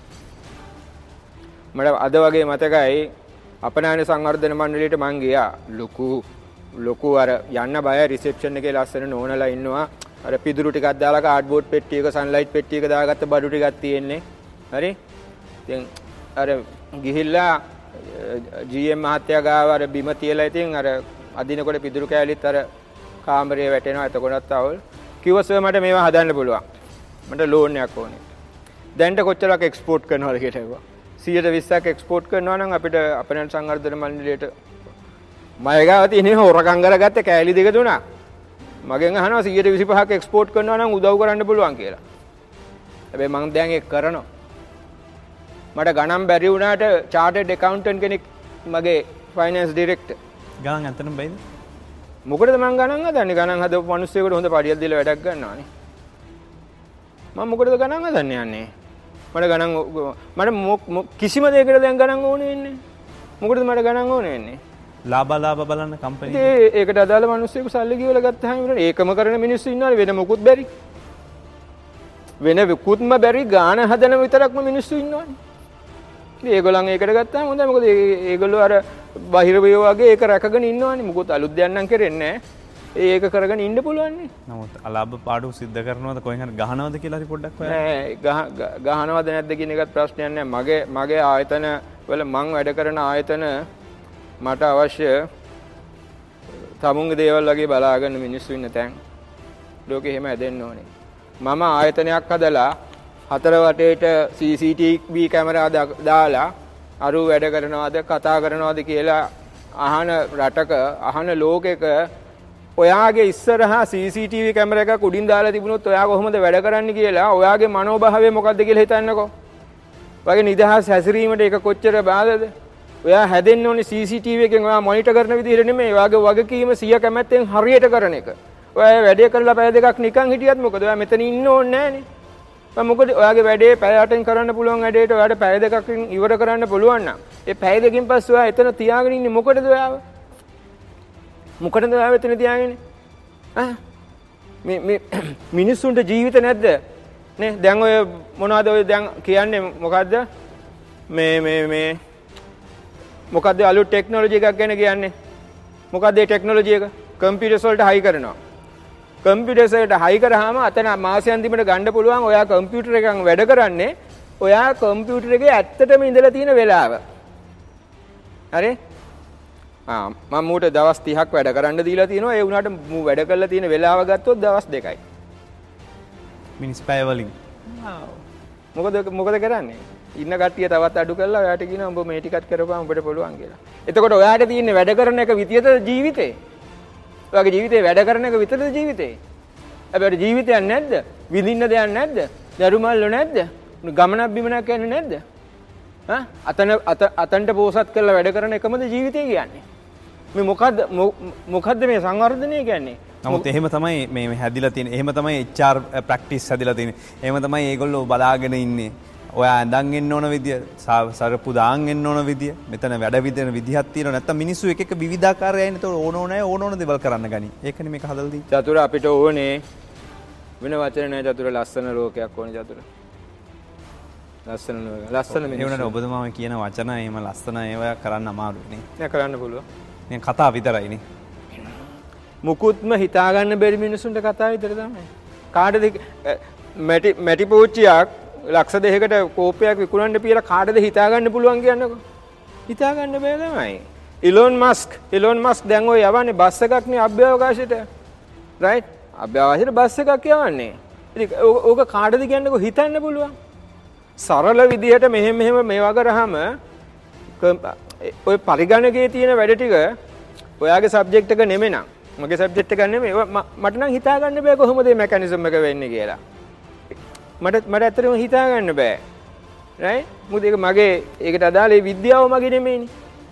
ඉතින් ඒ ඒ ඒ විද්‍යාව නොදන්නා හැම කෙනෙකුටම ඒවා හීන තමයි. ඒක විස් ඒකට අපි පුරුදු ඔක බෑ බෑ බෑ බෑ බෑ. නේ අපේ ලංකාවේ ඉන්න අර දොස්තර හොඳ හිතේකේ හිටියා ඕ මගේ මිනිස්සෙක්. ඕ අර හැම එකකට මේ නෑ නෑ නෑ බෑ බෑ බෑ කියන මේ මේ මේ දෙකෝටියෙන් වැඩි කොටසක් එහෙම තමයි. ඕනම දෙයක් කතා කරලා බලන්නකෝ. ඕනම දෙයක්. ඕනම බෑ බලමු අහලා කියන්න. ඔබ හොඳ JVP කාරෙන්නේ. මම ජාත්‍යන්තරවාදියෙක්. මාක්ස්වාදියෙක්. තාමත් පැහැදිලි කියනවා. ඒක මගේ බ්‍රෑන්ඩ් එක. JVP කාරෙක් කියන්න එපා මට. මාක්ස්වාදයක් කිව්වත් දැන් ලංකාවේ මාක්ස්වාදියෝ කිව්ව ගමන් අපිට වෙන්නේ බෑ කරන්න බෑ දියව් කොටව් මරව් එපා බෑ කියන කොටසනේ. ඉතින් ඔබ කියන්නේ ඔබ ඔබ නියෝජනය කරන කඳවුරම ඕක තමයි. ලංකා විදිර හිතනවන ම මෙහම කියන්න මං කිය ලංකා විදිර හිතන හිම මම ඔබ හරි වැදගත් ප්‍රශ්නයක් ඇහුවේ ඇත්තටම මාක්ස්වාදී කියන්නේ කවුද? මාක්ස්වාදී කියන්නේ කවුද?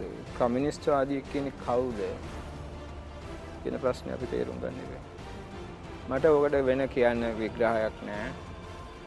මම මගේ මුළු ජීවිත කාලෙම මගේ මගේ ගෙදරට මගේ තාත්තා එවකට සිරිමා බණ්ඩාරනායක ආණ්ඩුවේ හිටපු ගරු කතානායක ස්ටැන්ලි තිලකරත්නගේ පෞද්ගලික ලේකම් සිරිමා බණ්ඩාරනායක මැතිණි.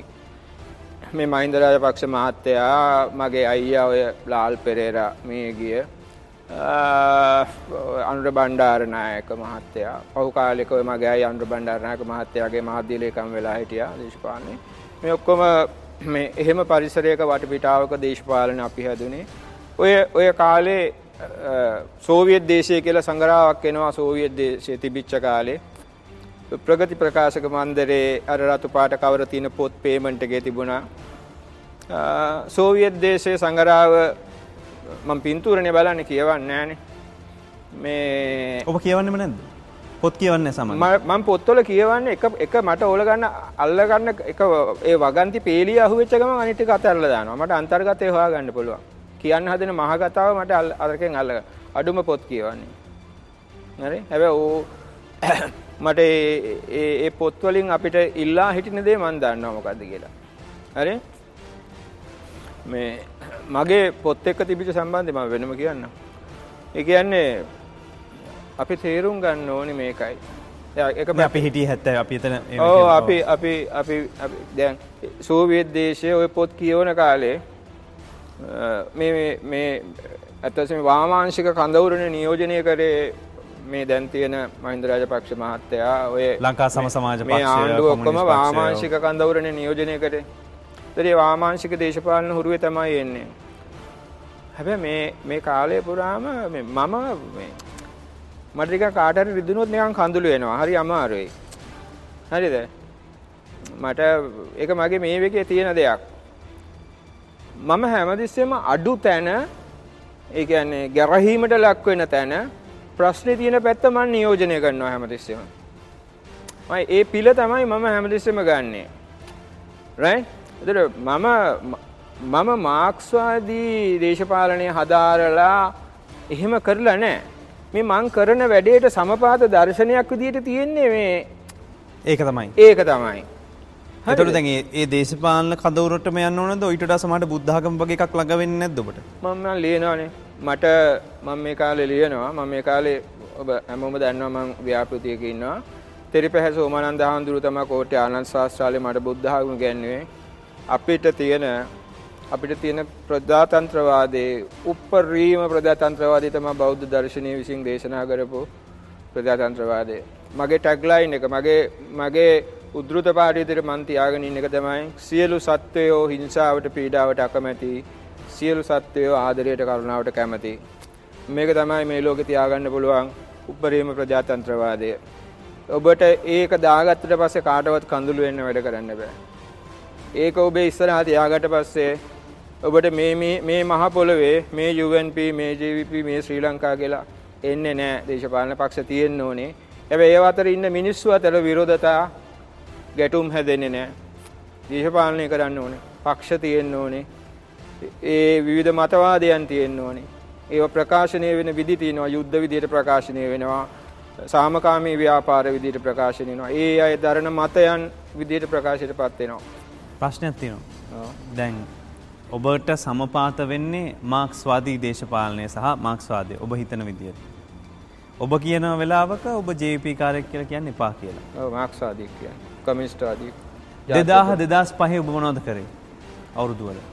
ඒකත් විශේෂ වැඩක්. විටක ඊටත් කලින්ද මන් දන්නේ ඔබට මතක ජනතා විමුක්ති පෙරමුණ තිස්ස මහරහම් ප්‍රාදේශසභාව දිනුවා. හරි? දිනපු වෙලාවේ ওই වකවානුව එතේ කවුරුත් මාව දන්නේ නැහැ ජේපී. එහෙම ඒගොල්ලන් එහෙම සම්බන්ධකමක් මගේ ඒගොල්ලෝ මාව අඳුරන්නේ නැහැ. යම්කිසි කණ්ඩායමක් මං ඇසුරු කරපු අය ඔය 88 89 වකවානුවේ යාළු මිත්‍රයෝ වගේ හිටපු අය මිය ගිහිල්ලා තිබුණා ඒ සංසිද්ධිය වලින් පස්සේ. නමුත් මට එහෙම මුකුත් දේශපාලන බලපෑමක් ආවේ නැහැ. මම එහෙම ක්‍රියාකාරී දේශපාලනයේ යෙදුණු කෙනෙක් නෙමෙයි. ඒ කියන්නේ ඔබ මේ JP කැරල්ලවක් ඉඳලා 80 ඉඳලා නැහැ. නෑ නෑ. මං නිදහස් ජීවත් වෙච්ච මිනිස්සෙක්. මට මේ කාලේ ප්‍රේමදාස මහත්තයා කට්ටිය තොරණක් ගහලා දෙන්න කිව්වොත් මම ඒකත් ඩිසයින් කරලා තියෙනවා. මේ කවුරු හරි වෙන වැඩක් කරන්න කිව්වොත් ඒකත් කරලා දෙනවා. මට එහෙම මේ නැහැ. හැබැයි මම මේ හැම දේශපාලන ව්‍යාපාරයක්ම හදාරනවා, බලාගෙන ඉන්නවා. නැත්නම් ඇති මම ජීවිතුන් අතරින්වත් බෑනේ මං ඉරිගවල වල ඉඳලා එහෙම පොලිසියෙන් තාඩනේ පිළ. මට මුකුත් එහෙම වෙලා දෙදහ තිස්සමාරාම අපි මට මගේ ඊට ප්‍රියන්ත කියලා ඩ්‍රයිවර් කෙනෙක්. මේ මිනිස්සු ඇවිල්ලා මගේ නිවාඩු ඉල්ලුවා. මගේ වාහනේ ඩ්‍රයිවර් මහත්තයා. මම මොකෝ ප්‍රියන්ත කියලා. සර් අපි දිනුවනේ තිස්සමහරහම් මිනිහ මිනිස්සයා ජනතා විමුක්තිරුණේ කෙනෙක්. අපි දිනුවනේ තිස්සමහරහම් ප්‍රාදේශීය සභාව මම කහම ඵලයන් කියලා මම ගෙදර ගිහලා චින්තට ගියා චින්ත මරු වැඩක් තියෙනවා අපි යම් බලන්න තිස්සමහරහම් ලොකු උත්සවයක් තියෙනවා. චින්ත කියන්නේ කවුද? මගේ මගේ බිරිඳ මගේ බිරිඳ. හරි කිව්වා අපි යම් මේක බලන්න කියලා. කියලා අපි දෙන්නත් ගියා. අර වෙන උත්සවයක් තිබුණා සෙනග පිරීලා. ඉතින් ඕක ඇස්සේ මේ පොඩි වෙලා ගිහිල්ලා ඉතින් හරි ආනන්ද ජනකයි නිකන් අර ඔක්තෝබර් විප්ලවය සිද්ධ වුණා කියලා සියාව ඉතින් හරි ජනතා විමුක්තිරුණ දීප පළවෙනි මේ වෙකනේ. ඔබ දන්නවද මම එතනට ගියේ කිසිම දේශපාලන සම්බන්ධයක් ඇතුව නෙමෙයි. කිසිම දේශපාලන කවුරුවත් මාව දන්නේ මම තිසමාරාම පාල සභාව සභාපතිවරයලා හම්බ වෙලා කිව්වා මම ඔයගලන්ට වැඩ කරන්නම්. ඔයගලන්ගේ මැටි ගම්මාන මොන හරි තියෙනවා නම් කියන්න මම ඒවට උදව් කරලා දෙන්නම් කියලා. ඒගොල්ලෝ මාව ප්‍රතික්ෂේප කරා. ඒක මොකද මම පක්ෂ සම්බන්ධයක් ඇතුව නෙමෙයිනේ ඇවිල්ලා තියෙන්නේ. ඒගොල්ලෝ වැඩ කරන්නේ පක්ෂ කට්ටිය එක්කනේ. හරිද? හතර අතේට කෝල් දුන්නා. කෝල් දීලා මට මෙහෙම දෙයක් පුළුවන්. මට මොකද ජනතා විමුක්ති පෙරමුණ කියන දේශපාලන ව්‍යාපාරය තියෙනවා විධමත් සංවිධානයක්. එකනේ සංවිධාන නැති කාටවත් පිටින් ගිහිල්ල වැඩ කරන්න බෑ. ඒ සංවිධානයක් නේක හොඳ වැඩේ වනත් ඒ සංවිධානය හරහා ක්‍රමවේදය තුළ එන්න ඕනේ. පස ඒකාලේ මන්දවසකොය උබ්දැම් ඒක සම්බන්ධකම හදාගන්න එපෑ. බලකොට විජිත රණවිට කියලා මන්ත්‍රී කෙනෙක් හිටිය. විජිතගෙන ඔම්බරයහාගෙන විජිතර මං කතා කළකිවා විජිත මේ මට මේ ඔයාගේ නම්බරය අමාරුවෙන් ගාත මට මෙහෙම මැටි වැඩ උගන්වන්න පුළුවන් මේ මොන හරි හදලා දෙන්න කියලා. විජිත කිව්වා අම්මට උඩු මම මේ ආච්චි කෙනෙක් හිඟාක වලනක් විකුණ ගන්න බැරුව හිටිය අජිත් මහත්තයා දෙයියෝ දුන්නා වගේනේ ඔයා එන්න කියලා මට කිව්වා. ඒ ගිය මම තිස්සමාරාම රාජ සභාවේ උපදේශකයෙක් විදියට අවුරුදු 4ක්ම ඉඳලා පාරවල් වල පිදලි අල්ලලා කාණු කපලා අගල් සුද්ධ කරලා තිස්සමාරාම ප්‍රාදේශීය රටේ හොඳම ප්‍රාදේශීය සභාව වෙද්දී මම මහා කාර්යභාරයක් ඉෂ්ට කරා.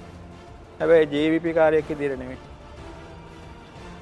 මට උතුරේ මම මම බයිපාස් එක කළා මෙහෙම කපලා ගෙදර ඇවිල්ලා සතියයි මට ඩග්ලස් දේවානන්ද කතා කරා දවසක්.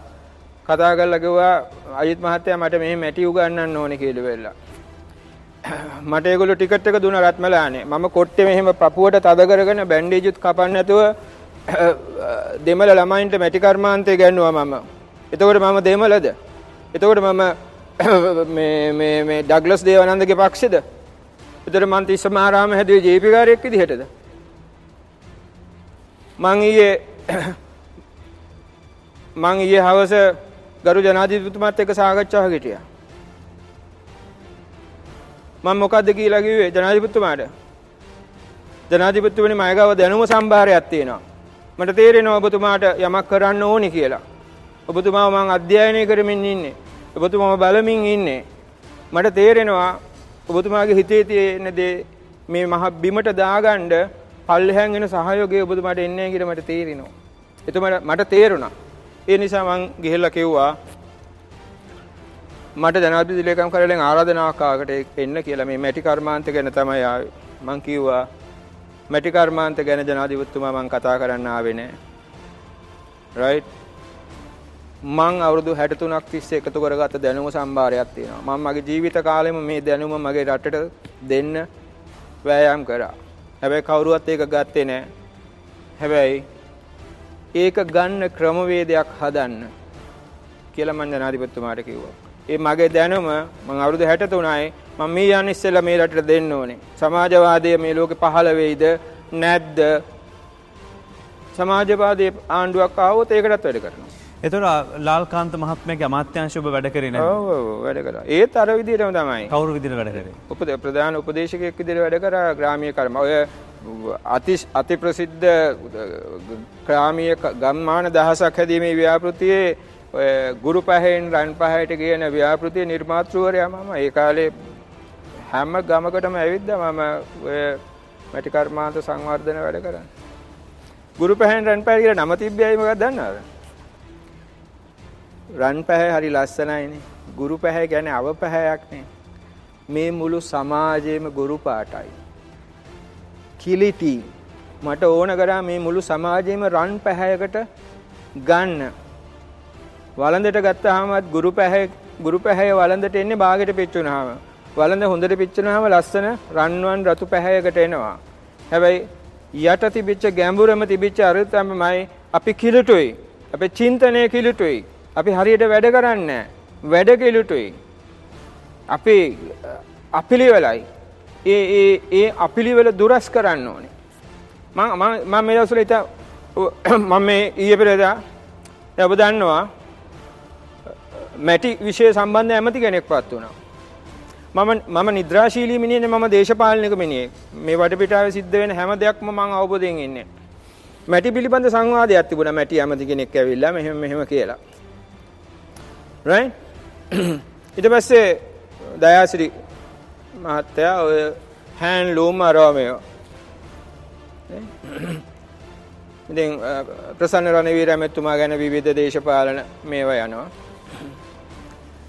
මට ග්‍රවුන්් එකක් විතරයි එතන ඇමතිවරයෙක් ඉන්නවා මේ එකක් ඉන්නවා මම තීරණය කරා මං ගිහිල්ලා ඇමතිතුමා හම්බෙනවා මගේ එතුමාට තමයි මැටි කර්මාන්තේ බාර මම පොල් කර්මාන්ත ඇමතිව හම්බ වෙලා හරියන්නේ නැහැ නේ මගේ වැඩේ කරන්නේ. මම ප්‍රසන්න රණවීර ඇමතුමාව තමයි හම්බ වෙන්න ඕනේ. මම දන්නවා එතුමාට ඒක කරන්න බෑ කියලා. කරන්න නම් මොකද වෙන්න ඕනේ? මම එතනට යන්න ඕනේ. මම එතනට යන්න ඕනේ. මම ප්‍රසන්න රණවීර ඇමතිතුමා ගාවට ගිහලා ඇමතිතුමා මට සත පහක්වත් එපා. ඔබේ ආයතනයෙන් සත පහක්වත් මට ගෙවන්න එපා. මට සල්ලි එපා. හරි? හැබැයි මට බලතල ඕනේ. මට කන්න බොන්න දෙන්න යන්න පහසුකම් දෙන්න.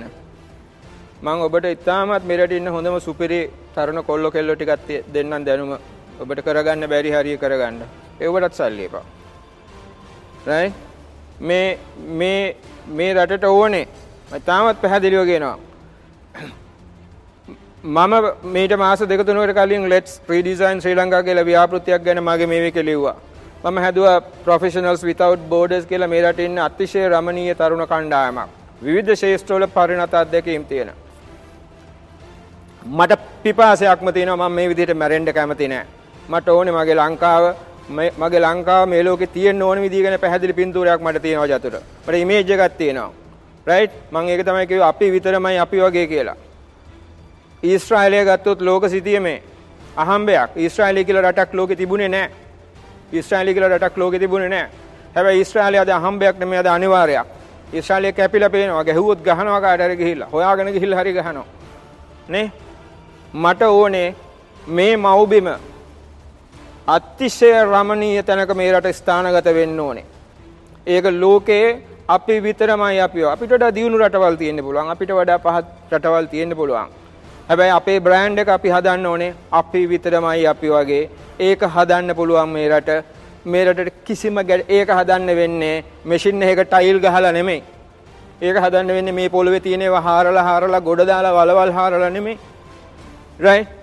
එහෙම නැත්නම් හාරගන්න නැතුව බයිද කරන්නේ? ඒ ඒ කොහේ හරි තියෙන සබ් කොන්ත්‍රාත් ගෙනල්ලා කුණු ටික මෙහෙ තියලා ඒක කරලා නෙමෙයි ඒක කරන්න ඕනේ. හරිද? මේක මේක ලෝකේ මම මේකට කියන්නේ ඔඩක්කුව මම මේකට කියන්නේ ළමැද්ද ඇයි මම ළමැද්ද කියන්නේ මිනිස්සෙකුට ගැහණියෙක්ගේ ළමැද්ද තරම් සැප පහසු තැනක් ලෝකේ නැහැ ඔළුව ගහගෙන හිටියොත් ඒ තරම්ම soft muscles මේ පපුවේ තියෙන්නේ ඉපදිච්ච ගමන් දරුවෙක් ඉපදිච්ච ගමන් දරුවෙක් අම්මගේ තනපුඩුවට කට තියාගෙන කිරි බොන්න අර අර ඉතාමත් සිනිඳු muscles වලට කිසිම හානියක් නැතුව ඒ පපුවට ඉන්නවනේ ඒක තමයි ඒ ඒ තරම් සනීප බිමක් ඕනේ මිනිස්සුන්ට ජීවත් වෙන්න. ළමැද්දක් තරම් පහසු පරිසරයක් ඕනේ මිනිස්සුන්ට ජීවත් වෙන්න. ඒ බීම තමයි මේක. ඒ ඒ බීම තමයි මේක භූගෝලීය වශයෙන්ුත් එහෙමයි පාරිසරික වශයෙන්ුත් එහෙමයි මේ ඒක අපිට හදන්න පුළුවන් හෙටත් හදන්න පුළුවන් මේ මේ පහුගිය කාලෙම මට එහෙම තේරුන්නේ නැහැ මම අවංකවම කියනවා ගෝඨාභය රාජපක්ෂ දැනත්තුමා කතා කරන යම් යම් දේවල් අල්ලගෙන මම මම හිතමින් ඉන්නවා. මං හිතමින් ඉන්නවා. මට කිසියම් හෝ කාර්යභාරයක් එතුමාගේ මොනවාරි නම් ඒ හීනය සපත කරගන්න මට කරන්න පුළුවන් දෙයක් තියෙනවා මේ පාර සන්දි දැම්මේ ගෝඨාභයට? මම එදත් මැටි බඩු හදාද හිටියේ උඩවලේ දැම්මේ නැහැ ඡන්දේ. නෑ මං ඡන්දේ දැම්මේ නෑ අවංකව මං ඡන්දේ දැම්මේ එහෙනම් පස්සේ ගිහිල්ලා දැන් මේ ගෝඨාභය චින්තනය යන්න හදන්නේ? සෞභාග්‍ය දැක්ම යන්න හදන්නේ? නෑ සෞභාග්‍ය දැක්ම යන්නෙත් නෑ ගෝඨාභය චින්තනය යන්නෙත් නෑ. එහෙනම් මොකද්ද ගිහිල්ල වෙලා ආපහු? මැටි විතරද ගොඩ දාගන්න ඕනකම? නෑ රට ගොඩ දාන්න ඕනේ. මැටි මං මැටි සම්බන්ධව මගෙත් එක්ක කතා කරනකොට මං කැමති නෑ. එතකොට මැට්ටෙන් ගොඩ දාන්න බැයිද රට. මැටි කියන්නේ එක විෂයක්.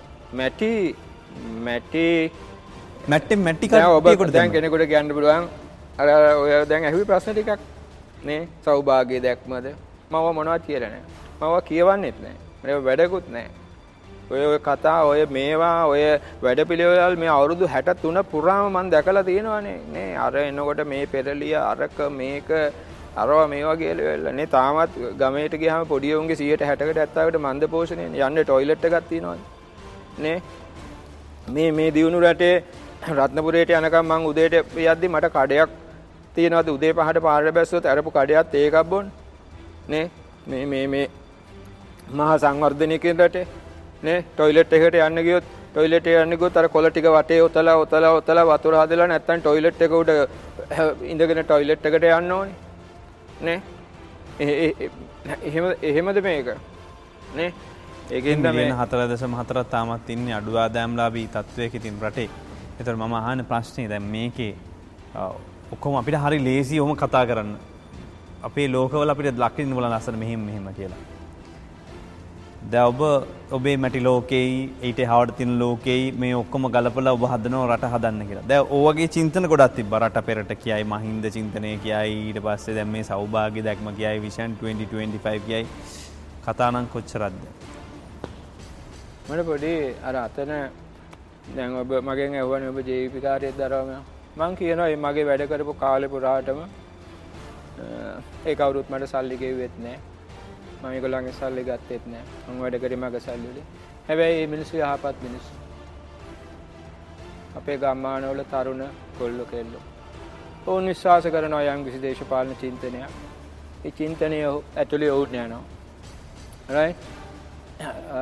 ඒ ඒ ඒ දේශපාලන ව්‍යාපාරය පිළිබඳ මගේ ලෙන්ගතුකමක් තියෙනවා. ජේපීඑක් ගැන. මගේ ලෙන්ගතුකමක් තියෙනවා. right? හැබැයි මේ රට ගොඩනැගීම කියන කාර්යයේදී මට ඉතුරු වෙලා තියෙන මම විශ්වාස කරනවා දැන් අපි මේ දේශපාලනය යන විදිහ බලන්නකෝ. මේ මේ දේශපාලනය අපේ රටේ ජනතාව මොන ප්‍රශ්නාවත් ඒගොල්ලෝ කැමති දේශපාලන පක්ෂයක් තෝරගන්නවා. එතකොට අපිට පුළුවන් එකක් ඊළඟට එන එකට වැඩ කරන්න මේක පැත්තකට තියලා. මම සංකල්පයක් නිර්මාණය කර ගත මගේ හිතේ පත් ජනතාව විසින් පත් කරන කුමන ආණ්ඩුවක් හෝ මිහි මත බියහිවී ඇකි හොඳම ආණ්ඩුව කියලා හිතා ගන්නවා. එතුර ප්‍රශ්නය නනේද. ඒ ගැන වරී වෙන්න ඇන. හොරකං කරනවනං ආණ්ඩුවක් සීයට තිහකට ඇලකේෂණ ගත්දාම එකට. සීයට තිහක් හොරකං කිරීම සඳහා ඇලොකේට් කරම්. දර ඒකත් ඉවරණ. මන්ත්‍රීවරයා හොඳම මන්ත්‍රීවරයා කියල හිතාකමු ඒකත් ඉවරණ ඇමතිවරයා හොඳම වෙන. එතකොට කාටවත් නිදහසට කාරණා කියන්න බෑන මේ ආණ්ඩුවත් එක්ක බෑ මේ ඇමතිවරයත් එක්ක බෑ. මෙ මේක ගැන විවිධ මේ තර්ක කියයි. හැබැ මේක මගේ මං හිතන විදිය පිළිබඳ ඉතාමත් කොන්ක්‍රීට් මතයක ඉඳරම මේ කියන්නේ. දේශපාලනය ඊළඟට දේශපාලන නායකයෝ පත් කරන්නේ ජනතාවගේ කැමැත්තෙන්නේ. ඒ කැමැත්ත ගන්න එකත් ලේසි වැඩක් නෙමෙයිනේ. ඒ දේශපාලන වැඩක්නේ. හැබැයි ඊට පස්සේ රට හැදීමේ කියන ක්‍රියාවලියේදී ඊයේ ඊයේ උදාහරණයක් මම ඔබට කියන්නම් ක්‍රියාවලියේදී දේශපාලනයකගේ දැක්ම ඕනේ. හැබැයි දැක්මේ අඩුපාඩුකම් තිබුණත් බිමේ වැඩ කරන උගතුන්ට, වියතුන්ට, ආචාර්යවරුන්ට, මහාචාර්යන් කොයි කොයි සැලැස්ම හදනකොටද දේශපාලඥ හද ඇවිල්ලා සලස්ම හදන්නේ. මේ නිලධාරී යාන්ත්‍රණය විද්වත්තු උගත්තු විද්‍යාඥයෝ ඒගොල්ලෝ මොනවද එකතු කරේ? ඒගොල්ලෝ මොනවද මම ඊයේ සාකච්ඡාවේදී ඇති වෙච්ච මේ කරුණක් තියෙනවා. ගෝඨාභය ජනාධිපතිතුමා අපේ කට්ටියක් ඇවිල්ලා කියනවා හඳුන්කුරු නිෂ්පාදකයෝ. චීනෙන් මේ අර හඳුන්කුරු හදන බටපතුර තියෙන්නේ. මේ බටපතුර දැන් පිටරටින් ගෙන එක නවත්තලා රෝම යත යන්නේ. මේගොල්ලෝ කියනවා මේ බටපතුර ගේන්නම ඕනි කියලා. ඒක නැතුව හඳුන්කුරු හදන්න බෑ කියලා. හරි දැන් නිලධාරි මහත්තුරු ඇමතිවරු ඔක්කොම එන්නත් හැමෝම ඉතින් වෙන වෙන විකල්ප මේකට මැෂින් හදමු මෙහෙම කියලා එක යෝජනා එනවා. හරිද? අර මිනිස්සයා කියනවා හදන්නේ. ජනාධිපතිතුමා කියනවා යකෝ මේ ඉරට්ටවත් හදාගන්න බැරිද මේක කියලා. විස්මුණයි අරකයි මේකයි ඔක්කොම ගේනවා මේකත් හදාගන්න බැරිද කියලා අහනවා. මේගොල්ලෝ බැහැම කියනවා. මම එතනට ගිය උපදේශකයෙක් විදිහට නෙමෙයිනේ මම ඉතින් මේක බලන් හිටියා. පස්සේ ඉතින් මගේ සීමාවත් පැන්නනේ. මේකට දැන් සම්බන්ධ වෙන්න ඕනි කියලා. මං කිව්වා ජනාධිපතිතුමා මං කියලා දෙන්නම් ඉරට නැතුව හඳුන් කූරු හදන හැටි. ඕකට තමයි ප්‍රොඩක්ට් කියලා මං කිව්වා නැෂනල් ලෙවල් ජාතික මට්ටමේ ප්‍රොඩක්ට් ඩෙවලොප්මන්ට් ඉනිෂියේටිව් එකක් ලංකාවට ඕනේ. අපි ලෝකෙට හදන්නේ මොකද්ද? අපේ මැටි කෝප්පේ මොකද්ද? අපේ බාල්දිය මොකද්ද? අපේ බාස්කට් එක මොකද්ද? අපේ තේ පූජ්‍ය මොකද්ද? අපි විකුණන දේ මොකද්ද කියන ප්‍රොඩක්ට් ඩෙවලොප්මන්ට් ඉනිෂියේටිව් එකක් ලංකාවට ඕනේ. හඳුන් කෝර හදන්න පුළුවන් ඉරට නැතුව. ඒකට තමයි නිර්මාණාත්මක මිනිස්සු ඕනේ. නිර්මාණශීලීත්වය ඕනේ. බට ගස් ජනාධිපතිතුමා කියනවා. ඩොලර් මිලියන් ගණන් දීලා මේ වගේ නල්ල ඉතින් පුච්චන එකනේ අපි කරන්නේ. එහෙමත් කියනවා. එක පැත්තකින් දහස් ගාණක් මිලියන් ගාණක් ගස් කපලා දානවනේ ඔය හඳුන් කූර හදන්න. එක පැත්තකින්. හරි. පුච්චලා දාන ටිකට. ඇයි? ඇයි අපිට බැරි? මං ගෝ මං හදලා දෙන්නම්. මම කාර්මික සංගදල මණ්ඩලයේ සභාපතිතුමා හිටියා නැෂනල් ඉතින් මං ෆෝන් නම්බර දුන්නා මට කතා කරන්න මම ඕක හදලා නැහැ. ඒක තමයි ක්‍රියේටිවිටි ඕනේ. මම මම හරි ආසයි තහනම් නියෝගයක් දාන්න ඕනේ බටේ බට බටපතුරු දාලා හඳුන් කූරු හදන එක නවත්තන්න ඕනේ. තහනම් කරන්න ඕනේ රටේ. හඳුන් කූරු පත්තු කරන එක නවත්තන්න නෑනේ ජනතාව එතකොට. කාට හරි විකල්පයක් දෙන්න වෙනවා බටපතුරු නැතුව. right. මේ සමාජය ගෙනියන්න නම් මේ සමාජයේ අදහස් ඕනේ නෑ. අදහස් හැමෝටම එන්නේ නෑ. අදහස් එන්නේ විශේෂ මිනිස්සුන්ට. ඒ අදහස පල්ලයට දාලා කියන්න ඕනේ මේක කරන්න කියලා. ඔක්කොම කියන හං හං කරන්න බෑ කියන්නේ. කරන්නේ නෑනේ. අදහස් තියෙනවා සංවාද තියෙනවා විග්‍රහ කිරීම තියෙනවා කරන්නේ මම මම මෙතනින් බිමට යනවා. මම බිමේ වැඩ කරනවා. මම මේ ආවෙත් උදේ ප්‍රසන්න රණවීර ඇමතුමා හම්බ වෙලා මම ඉතින් ඇමතුතුමා හම්බුනේ නැත්නම් මෙහෙම තමයි. මට ඒක මේක නැහැ. හරිද? මම පොඩි උපදේශයක් දෙන්න තිබුණා මම ඒක දුන්නා. රයිට්? මම දේශකයෙක් නෙමෙයි. මම උපදේශකයෙක් නෙමෙයි මම බිම වැඩ කරන මිනිහෙක්. මම දිසමාරාම ප්‍රාසය බිම කාණුපාල වල මම වැඩ කරා. එයාට ඩග්ලස් දේවානන්දට එහෙ ගිහිල්ලා ගෑනු ළමයින්ට මැටි කර්මාන්තය ඉගෙනුවා. තිස්සමාරාමේ ගම්මානවල මිනිසුන්ගේ ජීවිතවලට මං යම් යම් දේවල් එකතු කරා. right මම මේ මම මම කල්පනා කරනවා මේ ආණ්ඩුව මට හොඳම ආණ්ඩුව කරගන්න පුළුවන් නම්. මේ ආණ්ඩුවෙන් මේ රටේ ජනතාව බලාපොරොත්තු වෙච්ච උපරිම දේ ඉෂ්ට කරගන්න මගේ දැනුමට යම්කිසි කාර්යභාරයක් ඉෂ්ට කරගන්න පුළුවන් නම්. මම විශ්වාස කරනවා චතුර මිනිස්සු වෙනස් කරන්න ස්පේසස් වලට විතරයි පුළුවන්. ස්පේස් ස්පේස් අවකාශයන් වලට විතරයි මිනිසුන් වෙනස් කරන්න පුළුවන්. හරිද? අපි මොන තරම් දේශන තිබ්බත්, අපි මොන තරම් වැඩමුළු තිබ්බත් සමාජයක් වෙනස් කරන්න බෑ. ඒ සඳහා වන අවකාශය නිර්මාණය කරන්න ඕනේ. අපි කියනවා ජපානයට ගියාම හොඳට ඉන්නවා මෙහෙදි තමයි ඉන්න බැරි කියලා. මේක වෙනම අවකාශයක් ජපානය කියන්නේ වෙනම අවකාශයක්. ජපානයේ වින්ටර් එකේදී ඔයා ජපානට යනවා නම් වින්ටර් එකේදී ඔයා ජර්සි එකක් අරගෙන යන්නේ. ඔයාට ඔයාට ජපානයේ බැහැපු ගමන් පොලිස් මාධ්‍ය ප්‍රකාශක ඇවිල්ලා මේ ජර්සි එකක් ගෙනාවද? ගෙනාවේ නැත්නම් වෙඩි තියෙනවා. අරවා මේ කියලා තර්ජනය කළද ජර්සි අන්දන්නේ. නෑ ඔයා දන්නවා සීතල තියෙනවා ඒක ඇතුළේ ඔයාට සවයි වෙන්න නම් ඔයාට ජර්සි එකක් ඕනේ. රයිට් කොරෝනා කියන ස්පේස් එක ඇතුලේ තමයි මාස්ක් එකක් ඕන උනේ මිනිස්සුන්ට. ඒක ඒක ඇතුලෙත් මාස්ක් එක දාන්න නැතුව ඉන්න පුළුවන් හින්දා තමයි මාස්ක් එක නොදා ඉන්නේ. ඒ ඒ ඒ එන්වයරන්මන්ට් එක ක්‍රියේට් කරන්න ඕනේ. ඒ ඒ ස්පේස් එක ක්‍රියේට් කරන්න ඕනේ. නේ අපි අපි අපි මොනවද කරේ? ජපානයේ ජපානයේ සකුරා මල් පිපෙනකොට සකුරා සංස්කෘතියක් එනවා. සකුරා ෆැෂන් එනවා. සකුරා ටී එනවා. සකුරා කේක් එනවා. ගස්වල මල් ආර්ථික වැඩපිළිවෙලකට පරිවර්තනය වුණා. අපේ අපිට අපේ ආර්ථික වැඩපිළිවෙලකට අපේ ගස්වල මල් පිපෙනවා මල් හැවෙනවා. අපේ ගංගාවල වතුර ගලනවා ගලාගෙන යනවා. කොයි කෑල්ලද අපේ ජීවිතයට ජනතාවගේ ජීවිතය එකතු කරන්න මේ වුණේ. අපිට බැරිද සකුරා වගේ අපිට මල් නැද්ද? මේ මුළු රටේම එක මල් ගහක් හිටවලා එක සීසන් එකක් හදන්න බැරිද මල් පිපෙන. අර රෝස පාට රොබරොසියා ගස්වල අර ලස්සන ටික කාලයකට වැවෙන පාරවල් පුරා මල් රොබරොසියා හිටෙව්වොත් රොබරොසියා හිටෙව්වොත් එක යුගයකදී මම මිය ගිහිලා තියෙයි. හැබැයි රොබරොසියා ෆැෂන් ගෙනල්ලා රොබරොසියා කල්ට් එකක් ගෙනල්ලා රොබරොසියා සංස්කෘතියක් හදලා ඒක ආර්ථික වැඩක් කරන්න පුළුවන්. එතකොට සිංහල අවුරුදු විතරක් නෙමෙයි ගවුම් අඳින්නේ රොබරොසියා මල් පිපෙනකොටත් අපේ ගෑනු ගවුම් අඳිනවා.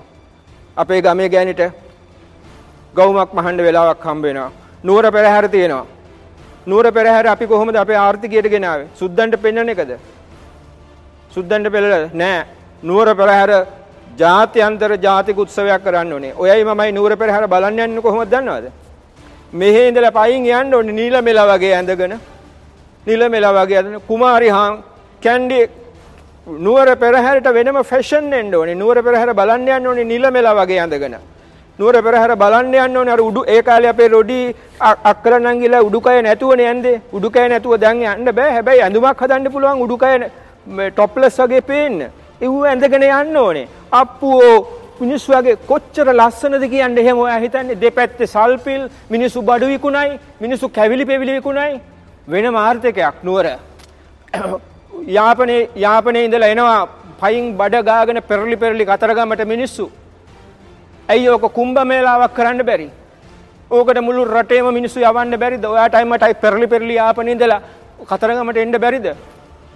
නේ? එචන අපේ ඉවෙන්ට් කැලන්ඩර් එකේ තියෙන්න ඕන ගොඩක් දේවල් නේ. මුකුත් නෑ අපිට. ඒ හැම මම කියන්නේ දෙයියෝ 33 කෝටියක් ලංකාවට මදි. අඩුම ගානේ තව බල බලතල සහිත තුනක් හදන්න ඕනේ. තව බලතල සහිත තුනක් හදන්න ඕනේ. අපිට රටක ආර්ථිකයක් හදනවා කියන්නේ රටකට වැඩපිළිවෙලක් හදනවා කියන්නේ තියෙන දේ නෙමෙයි. මම මම වෙලාවකට කියනවා තුන්වෙනි પરම්පරාව 2000 මේ දෙදස් පණහද දෙදස් විශ්ස තව අවුරුදු සීයකට පස්සේ ගොඩගන්න ඕන පිළිම දැන් වලන්ඩ ඕන කිරි වෙලා. දැන් පිළිම වලන්ඩ ඕනේ හදලා පුරාවස්තු විදියට තව අවුරුදු සීයකට පස්සේ ගොඩගණ්ඩ ඊළඟප ඒ ගොඩගත්ත කරගෙන ලෝක සංචාරක ව්‍යාපාරය අලුතෙන් ලියන්න පුළුවන් අපිට. අපිට තියෙන්න ඕනේ අපේ ජීවිත කාලය විතරන්න මේ ඊළඟ පරම්පරාවත් ඊළඟ පරම්පරාවටත් එදා ගල් පිළිමේ හැදුවේ එහෙම හිතලා සෙල්ලිපිය කෙටුවේ එහෙම හිතලා එහෙනම් ඔක ලී කෑල්ලක හදන්න තිබුණානේ. ඔක පවතින්න ඕනේ. ඔක පවතින්න ඕනේ කියලා වෙරලා. අපි අද මොකද්ද එහෙම පවතින්න කරන්නේ? නේ අපි අපිට මේ මේ හිඟා කන්නේ උවමනාවෙන්. නේ ඇඳුම ෆැෂන් කරන්න ඕනේනේ එක අවුරුද්දට එක ඇඳුමයි අඳින්නේ. එහෙම නෙමෙයි ඇඳුම් මාරු කරන්න ඕනේ. ගෙවල් හදන්න ඕනේ නෑ අප්පගේ පුතාගේ පුත්තගේ කිරිකිත්තට ගෙවල් හදන්න ඕනේ නෑ මිනිස්සු. නේ? ඇයි මගේ තාත්තගේ ගේ මං ඉන්නේ. මම ඉන්නේ ඒක කඩලා වෙන මගුලක් කරගන්නවා මම. ඊට පස්සේ තාත්තගේ ගේත් නෙමෙයි මගේ ගේත් නෙමෙයි. තාත්තගේ උළුවස්ස මගේ පිළිකන්න ආච්චිගේ සාලේ එහෙම ගෙවල් නේ තියෙන්නේ. නේ? චතුර මේ ප්‍රශ්නේ විග්‍රහ කරගන්න ඔයාට අමාරු වෙයි. බොහෝ මිනිසුන්ට අමාරු වෙයි. සමාජයක් චතුර සමාජයක් අපිට එක මෙහි මේ වරප්‍රසාදය ලැබුණට පස්සේ එහි අග ඒ සමාජයේ ගෙනියන තැන පිළිබඳ අවසාන ඉලක්කය අපිට තියෙනවා නම් දක්කන්න ඕනේ එතනට. එතනට දක්කන්න ඕනේ. දැන් මේ ආච්චිගේ පිළිකන්නයි තාත්තගේ කුස්සියයි අම්මගේ උළුවස්සයි එහෙම තියෙන තැන්වලට ගෙවල් හදන එකත් ඔබේ වගකීමක්ද?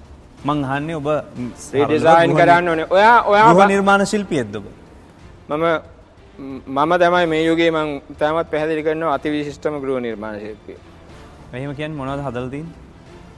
උදාහරණයක් විදිහට ගත්තොත් ඔය ලෝක ප්‍රසිද්ධ ඔය ටෙලිවිෂන් එකේ හැම තියෙන ඔය බාන් හවුස් කියලා ෂිපින් පැලට් වලින් හදපු ලංකාවේ තියෙන ලොකුම අතිවිශිෂ්ටම ගෘහ නිර්මාණයක්. හැබැයි ඒක ඒක මේ ගෘහ නිර්මාණ ලයිස්තුවට ගන්නෙ නෑ කවුරුත්. ඒ මොකද දන්නවද? මං කටුබැද්දෙන් ඇවිල්ලා නෑනේ. ආ. හරිද? ඒ වර්ගයට අයිති වෙන්නේ නෑනේ මම. ඒ වරලත් එකේ නැද්ද? හරිද? ඒකට එන්නේ නෑ. හැබැයි ඔබ එතකොට ගෘහ නිර්මාණ ශිල්පී වැඩ කරනවද? මගේ එහෙම ආයතනයක් තියෙනවා. ඉලක්ක වලට රට හදන්න ඕනේ කොහොමද දන්නවද? නෑ මං නෑ නෑ නෑ ඉන්නේ කියලා ගෘහ නිර්මාණ ශිල්පයට තමයි මං කියන්නේ. දැන් මම ගෘහ නිර්මාණ ශිල්පියෙක් විදිහට වැඩ කරනකොට මට මාර ප්‍රශ්නයක් තියෙනවනේ අර චාර්ටඩ් සීල් එක ඕනේනේ. ඔව්. චාර්ටඩ් සීල් එකක් ඕනේ. හරිද? නැත්තම් පිළිගන්න බෑ. ඔබ දන්නවද අවුරුදු 26කට පස්සේ මගේ ගේ ඇතුලේ තියෙනවා සීල් දෙකක් දැන්. මගේ දුව ආකිටෙක්, දුව බැඳලා ඉන්නේ ආකිටෙක්. මම ඕන එකක් හදලා දුවගේ සීල් එක ගහලා මට යවන්න පුළුවන්. ඔයාට මේ සමාජෙ දෙන්නේ නැත්තම් යමක්. ඒක ගන්න වෙන ක්‍රම තියෙනවා. ඒක ගන්න වෙන ක්‍රම තියෙනවා. ඔයාට ඉලක්කයක් තියෙනවා නම් ඒ ඉලක්කේ අවුරුදු 20ක් ඉවස මං කියන්නේ ඔකට ඇතාගේ හක්කේ පොල් කතාව කියලා.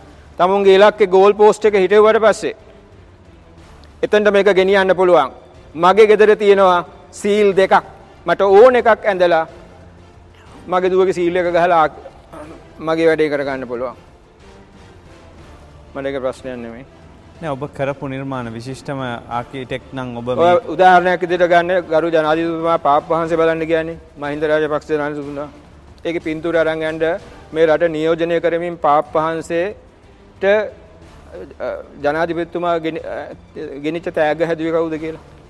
මේ මොකද්ද කියලා වෙලා. Pearl of India කියලා. ලස්සන දේපෝච්චියක්. වතිකානුවේ තියෙන්නේ ගරු මහින්ද රාජපක්ෂ අගමැතිතුමා ගිහිලා දීපු තෑග්ග මගේ අතින් හදපු මේ කෝච්චියක් තමයි. මම මෙහෙමයි චතුර. නෑ මෙහෙම නෙමෙයි. අපි දැන් අපි ද්‍රව්‍යමය වශයෙන් සහ ස්ථානමය වශයෙන් මේ ගණනය කරන්නේ. දැන් මම ශිල්පය කියලා කියනකොට තමන් කිව්වට දැන් මම ඒක අගෞරවයක් නෙමෙයි. දැන් මම මේක හැදුවේ මම මේක හැදුවේ මම. අන්න එහෙමත් දෙක තුනක් කියනවා නම් එතකොට මිනිස්සු හිතනවා බලන්න. නෑ චතුර මං හදපු දේ මං හදපු දේ විදිහට මේ දේ ගන්න චතුර. මං හදපු දේ මේ සමාජයේ මේ අවුරුදු දෙක තුන ඇතුළතදී පැහැදිලිව පෙනුනොත් පැහැදිලිව පෙනුනොත් මේ මැටි කර්මාන්ත ගම්මාන පුරා මේ රටේ කුඩා කර්මාන්ත ශාස්ත්‍රයේ මේ රට ඇතුලේ මොන මොන වැදගත්කමක්ද චතුර මගේ පෞද්ගලික විස්තර මේ රටට? මොන වැදගත්කමක්ද මගේ වෙල්ත් එක? මොන වැදගත්කමක්ද මගේ වාහනේ මේ රටට? ඒක මගේ. මං හැදිච්ච විදියට ඕගොල්ලෝ හැදෙන්න මං වගේ වෙන්න ඒ කතන්දරනේ මම වගේ කාටවත් වෙන්න පුළුවන්ද? ඒ මගේ යුගයේ ඒ මගේ කාලේ මගේ වෙල්ත් එක මං කරන දේවල් වැඩන්න. හැබැයි මේ මහ පොළවේ මම මගේ දුවට කිව්වා දවසක් ඇය දැන් දේශපාලන විද්‍යාව පිළිබඳ ආචාර්ය උපාධියක් කරනවා කොළඹ කැම්පස් එකේ ආකිටෙක් මම එයා ආකිටෙක් වුණාට පස්සේ මම එයාට කිව්වා පුතේ ආකිටෙක්චර් කරලා ලංකාව හදන්න බෑ උඹ දේශපාලන විද්‍යාව කරපන් කියලා. මොකද එයාගේ දේශපාලන විද්‍යාව පිළිබඳ පතපොත මමත් කියවනවා. දේශපාලන විද්‍යාව බලලා ඔබතුමා කියනවා ජනාධිපතිතුමා කොහොනේ රස්සාවක්වත් ගන්න බෑ කියලා. ලස්සනම රස්සාව කරන්න පුළුවන් එකට තමයි. රස්සා තමුන්ට රස්සාවක් නැති වෙයි. හැබැයි සුවහසක් මිනිසුන්ට රස්සාවල් හදන්න පුළුවන්. ජාතියකට රස්සාවල් හදන්න පුළුවන් වෙයි. ප්ලේටෝගේ The Republic කියන පොතේ ප්ලේටෝ කියනවා දේශපාලඥයෝ ෆිලෝසොෆස්ලා තමයි දේශපාලඥයෝ වෙන්න ඕනේ කියලා. අපේ දුව අපේ දුවට උපදෙස් දෙන මේ එක මහාචාර්යවරයෙක් මගෙන් ඇහුවා දවසක් උඹ දන්නවද උඹේ ගේ ඇතුලේ ෆිලොසොෆර් කෙනෙක් වර්ධනය වෙනවා කියලා. මගේ දුවට මං ඉගෙනුවා උඹට කවදාවත් DNA වලින් ප්‍රූව් කරන්න බෑ උඹගේ තාත්තා මම කියලා. DNA වලින් ප්‍රූව් කරන්න බෑ මම උඹගේ තාත්තා කියලා. ප්‍රූව් කරන්න වෙන්නේ මේ බිමේ මේ රටේ අපේ මිනිසුන්ට කරන වැඩ වලින්. මං එතකොට අත දික් කරලා පෙන්නනවා මේ ඉන්නේ මගේ දුව කියලා. එතකම් පෙන්වන්නේ නැහැ. කසාදයක් බඳිලා ළමයි හැදුවට මේ මගේ දුව කියලා මං පෙන්වන්න යන්නේ. කාට මොකටද? මගේ ජීන් එක ඒකයි. මේ ඉදිරි කාලය තුර මේ ආණ්ඩුව මං කියන දේ පිළි අරගෙන මගේ දැනුම අරගෙන මගෙන් ගන්න පුළුවන් ප්‍රයෝජනයක් ගත්තොත් එහෙමයි. ඒ නැත්තම් මම කොහේ හරි ගම්මානයකට ගිහිල්ලා ඒ මිනිස්සුන්ව හිනස්සන්න වැඩ කරනවා. රයි තව එකත් අය මට මගේ මගේ පට්ට ආසාවත් තියෙනවා මේ ළමා අධ්‍යාපනය පිළිබඳ ප්‍රශ්නය. ආසම විෂයක් තමයි මේ මොන්ටිසූරි එකන්නේ පූර්ුව ළමා විය සංවර්ධනය කියෙන. මම ඔය සම්බන්ධ බාර ඇමතිවරයටත් මං එපයින්මට ගත්දාලා තියෙන පූරුව ළමාවය සම්බන්ධ එපොයින්මට ගත්දාලා තියෙනවා. මම සීතාරම්භ වෙල ඇමතිතුමිටත් එපොයින්මට ගත් දැම්මා නිව් ඉනෝවේෂන් කියන කෑල්ල එයා ගාව තියෙනින්ද. මම දයාසිරි ඇමතිතුමාටත් අපොයින්ට්මන්ට් එකක් දැම්මා හෑන්ඩ්ලූම් ඉන්ඩස්ට්‍රි එක. 7.5 මිලියන් ගෑනු ඉන්නවා මේ රටේ. පවුල් 65 ලක්ෂයක් ඉන්නවා. එහෙනම් ගෑනු 65 ලක්ෂයක් ඉන්න ඕනේ හැම පවුලකටම. අපේ රටේ ගෑනුන්ට ලස්සනම ඇඳුම සාරිය. ඒක තමයි අභිමානේ. ඉස්සර සාරිය ඇඳේ නෑ නිකන් මේ මේ සාරිය ඇඳේ ලොකු පවුල් වල වංශවත් පවුල් වල ගෑනු කට්ටිය තමයි සාරි ගෙදරට ඇඳේ. ඒක වංශවත්කම. ඒක තමයි පෙනුම. අපිට පුළුවන් වුණොත් 20 ලක්ෂයක් අඩුම ගානේ මේ 65 ලක්ෂයෙන් 20 ලක්ෂයක් කාන්තාවන්ට අඳින්න අඳින්න පුළුවන් ලස්සන සාරියක් ඇඳුත් කී ලක්ෂයක් සාරි කී දාහක් මහන්න ඕනේද අපේ ගම්මානවල ඔබ දන්නවද ඉදල කොස්ස ඉදල ප්‍රොඩක්ට් ඩෙවලොප්මන්ට් එකක් කරනවා අපි ඔබ ඔබ හැමදාම ඔබේ ජීවිත කාලෙම එක ඉදලනේ දැක්කේ හැබැයි තව අවුරුද්දක් යනකොට ඔබට වෙළඳපොළට ගියාම ඉදලේ තියෙයි ටැග් එකක්. ඒ ටැග් එකේ තියෙයි මේ ඉදල සුදුසු වැලි පොළවට මේ ඉදල ගල් පොළවට මේ ඉදල තනකොළවලට මේ ඉදල කානු සුද්ධ කරන්න. ඊට වෙනම මිලක් තියෙයි. එක ගෙදරට ඉදල් තුනක් විතර ගන්න වේ එතකොට. ඕනේ අරකෙන් එතකොට ඉදල් තුනක් ගමේ හදන්න එපා. ඉදල් හැමදේම ගන්න නෑනේ. අවුරුද්දකට ඉදල් එකක් හරි දෙකක් හරි ගන්න. ඉතින් ඇයි ඒ ඉදල් රුපියල් 500කට වික්කහම්මකෝ? හැමදේම ඉදල් ගන්න. කල්පනා කරේ එතකොට ගඟවරල්ල කෝටුවටත් මාකට් එකක් දන්නේ ඔහොම ගිහිල්ලා කියලා. ඉදලේ හදන්න ඕනේ ඉරටුවෙන් විතරක්ද එතකොට කියලා ආපහු පාරක් අහන්න. ඔව් ඉරටු තියෙනවානේ. හැබැයි ඉරටුව හැන්ඩල් කරන්න ඕනේ විදියක් තියෙනවානේ. මේ කාලේ කල්පනා කරනවා ඉදලේ ඉදල හීනි පැත්තනේ පල්ලෙහාට දාන්නේ හයිය පැත්ත තමයි උඩට දාන්නේ. ඉතුරු වුණාම විසික් කරන්නේ ඉදලේ හයිය කෝටුවනේ හයිය ටිකනේ. මම කල්පනා කරා මාර වැඩන්නේ හයිය ටික විසික් කරනවා අන්තිමට තුනී ටිකෙන් වැඩ කරන්නේ කොහොමද කියලා. නිව් ඉනෝවේෂන් කියන්නේ අපි මේ චතුර මේ නිව් ඉනෝවේෂන් කියලා මේ පහුගිය සැරේ හොඳම සම්මානය හම්බුනේ මොකටද දන්නවද? පොල් තෙල් වලින් වැඩ කරන කාර් එකකට. චතුර කණ්ඩවක් පොල් තෙල් නැති රටක ඉලෝන් මස්ක්ලා පැට්‍රෝලුත් ඉවර කරලා ඩීසලුත් ඉවර කරලා අභ්‍යාකාශයට වාහන යවන ලෝකෙක පොල් තෙල් වලින් එන්ජිමක් වැඩ කරවලා මොකක්ද ඇති ඵලය කියන්නේ? හදන එකෙන් ඵලයේම නෙමෙයිනේ මෙතනදී බලන්නේ නිර්මාණශීලීත්වය ඒක කරන්න දෙන්න හොඳ නැහැ ඒක කරන්න දෙන්න හොඳ නැහැ රටක. රටක කර්මාන්තකාරයෝ ශිෂ්‍යයෝ නිර්මාණය කරන්න ඕනේ මොනවද කියන දැක්ම පල්ලෙහාට හදන්න ඕනේ. මොකක් හරි හදනවා නම් ඒක කාටද විකුණන්නේ? ඉතින් ආපහු පාරක් ඔබ කියන්නේ ආයි මේ හිර කළා දාන නර මිනිස්සයව. දැන් මුලින් කිව්වා නිර්මාණශීලී මිනිස්සෙක් හදන්න ඕන කියලා. දැන් කියනවා මේ මිනිස්සුන්ට හිතන්න දෙන්න එපා. හිතන්න ඕන මේ විදිහට කියලා ස්ට්‍රක්චර් කරන්න කියලා. නිර්මාණශීලී මිනිස්සු රටක ඕන තරම් ඉන්න පුළුවන්. නමුත් මහා දැක්ම සපයන්න එපා. මහා දැක්ම තමුන් කැමති දේවල් කැමති දේවල් කරගෙන කරාබුවක් දාගෙන තමුන් කැමති අයටත් ඉන්න පුළුවන්. හරිද? හැබැයි මහා ජාතික උමනාවක් වෙනුවෙන් අපි කියමු ව්‍යාපාර උමනාවක් වෙනුවෙන් කියලා. තනි ව්‍යාපාර උමනාවක් කියමු. ඒ උමනාව වෙනුවෙන් ඔයා මොනවද නිර්මාණය කරන්න ඕනේ? ඔයාට ඔයා දැන් අපි බලන්නකෝ ඔයා දැන් මාස ගාණක් මොන හරි අතේ තියාගෙන හදනවා. හදලා ඉවර වෙලා ඊට පස්සේ ආණ්ඩුවට කියනවා මේක විකිනෙන්නේ නැහනේ. මොකද වෙළඳ පොලක් නැහනේ. කවුරුත් ගන්න නැහනේ. අපි හසිරියෙන් ජීවත් වෙන්නේ. ඉතින් ඇයි දෙයනේ විකුණන්න බැරි එකක් හදන්නේ? ඇයි විකුණන්න වැඩි එකක් හදන්නේ? එන්නේ ඒකට තමයි ආයතන ඕනේ. ඒක තමයි ආයතන ඕනේ. අලුත් නිර්මාණකරුවන්ට එකතු කරන්න. ඒ අයට දැක්ම සපයන්න. ප්‍රොඩක්ට් ඩෙවලොප්මන්ට් කියන්නේ තමුන්ට කැමති ප්‍රොඩක්ට් ඒක ඒක ඉතින් ආතල්ලයකට කරන වැඩක් ඉදිරි කරන්න පුළුවන්. හැබැයි ඒක ජාතියට රටට ආර්ථිකයට එකෙන් එකතු වෙන යමක් නෑ. නේ? අපි මම ඒකට වැඩපිළිවෙලක් හදලා තියෙනවා. ස්පාර්ක් ප්ලග් කියලා. ස්පාර්ක් ප්ලග් එකකින් කරන්නේ මේ අවුල ඕන එකනේ ස්පාර්ක් ප්ලග් එකකින් ක්‍රියේටිවිටි ස්පාර්ක් කරන්න ඕනේ. අපිට ඊයක් කැලෙන්ඩර් එකක් ඕනේ. ලෝකේ තියෙනවා Canton fair international craft ware handicraft ware ජපානයේ exhibition calendar එක බලන්න හැම මාසෙකටම මොකක් හරි ප්‍රොඩක්ට් එකකට එක්සිබිෂන් එකක් තියෙනවා. අපි ඒක දැන් පටන් ගන්න ඕනේ. Dozen different ways කියලා මම එක්සිබිෂන් සීරීස් එකක් දැන් සැලසුම් කරලා තියෙනවා. right හැම මාසෙම එක්සිබිෂන් එකක් තියෙනවා. right පෙබරවාරි මාසේ තියෙන්නේ ෆැෂන් ක්‍රාෆ්ට් එක්සිබිෂන් එක. ඒක ඉන්ටර්නැෂනල් කැලෙන්ඩර් එකේ තියෙන්න ඕනේ. ලංකාවේ ව්‍යාපාරිකයෝ දැනගෙන ඉන්නවා නොවැම්බර් මාසේ එන්නේ soft toys එක්සිබිෂන් එක කියලා. එතකොට ඒ එක්සිබිෂන් එකට නිර්මාණකාරවෝ ලෑස්ති වෙනවා. ඔහුට මිනිස්සු කිසි දෙයක් කරන්න ආස නැහැ. tamunට ඒක ඩිස්ප්ලේ කරන්න තැනක් නැත්තම් ඒක මිනිස්සු වගේ කරන්න නැත්තම්. ඒතර අර එක්සිබිෂන් එක ෆික්ස් හදනවා. ලෝකෙත් දන්නවා ලංකාවේ මේ දවසේ soft toys exhibition. ලංකාවේ එක්ස්පෝර්ටර්ස්ලා ව්‍යාපාරිකයෝ දන්නවා මේ එක්සිබිෂන් එක තියෙනවා මෙතනට තමයි හොඳම ප්‍රොඩක්ට් එක තෝරන්න යන්න ඕනේ කියලා. right? ඒ කැලෙන්ඩර් එක දැන් අපි පටන් ගන්න ඕනේ. ජාතික කැලෙන්ඩරේ ආර්ථික කැලෙන්ඩරේ දැන් අපි හදන්න ඕනේ. මේ සල්ලි කියන්නේ මම මම ඔයාලට පෙන්නන්නම් මගේ ඕන ලැප්ටොප් එක ගෙනල්ලා කැනඩාවේ කැනඩාවේ මේ මේ දවස්වලත් මගේ උඩවල තැන අපි ඔය ඕගනික් හාල් ටොන් 10ක් පැක් කරනවා. හරි? මේ දෙවෙනි මේ එක අවුරුද්ද කැලෙන්ඩර් එක මට එව්වා මේ ෆෝකාස්ට් එක ඒගොල්ලෝ කැනඩාවේ විකුණන්න බලාපොරොත්තු වෙන ඒවා. මාසෙකට ෆැෂන් ෆෘට් ටොන් 15ක් අන්නාසිරා උන් ටොන් 15ක් බිම නිකන් වගාව ගැන කතා කරනවා. කෝ මේක හදන්න? කවුද හදන්නේ? ඉතින් හදලා ගී විකුණ ගන්න බැරුව ඉන්නවනේ අපි බැලුවොත් අත්නම්.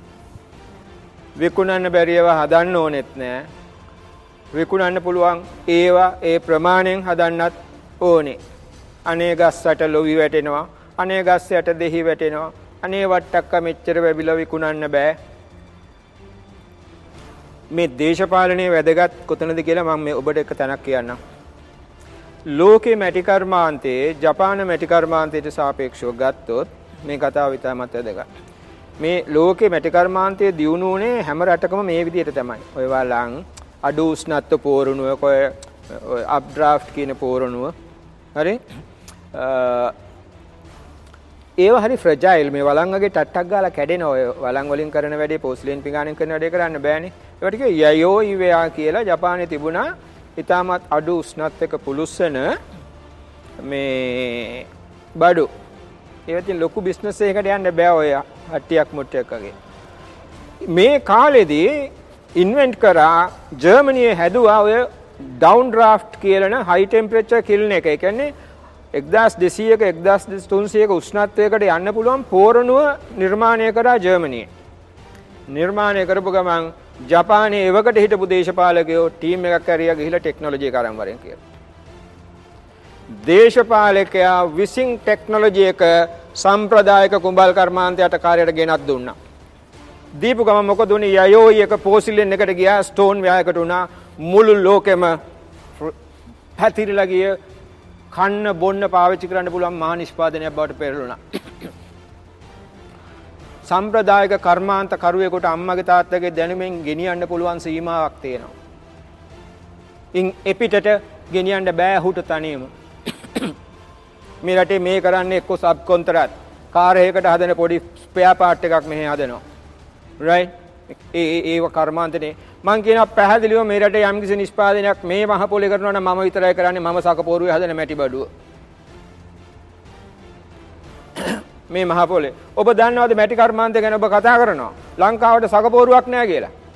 ලංකාවට සකපෝරුවක් නැහැ කියලා. ඔබ දන්නවද ලංකාවට පෝරණුවක් නැහැ කියලා. මොකක්ද අපි කතා කරන මැටි කර්මාන්තය? ඇයි මොකද පෝරණුවක් නැහැ කියලා කියන්නේ? නෑ පෝරණුවක් නැහැ. ඔය තියෙන පෝරණුව ඔන් තරම් බැලුවොත් ඉතින් මුට්ටි හත්ති හද හද ඉඳියා. අපි අපි porcelain fact Rattota porcelain factory ගැන අපේ එකක් නෙමේනේ ජපන් මිනිස්සුන්ගේ එක ඇයි වලන් හදන්නේ? ඔය ඔය ඔය ඔය පෝරණුව සෙන්ටිග්‍රේඩ් 700කට පුච්චන්න බෑ. ඔහු ඒ ඔහු ඔහු අතිශය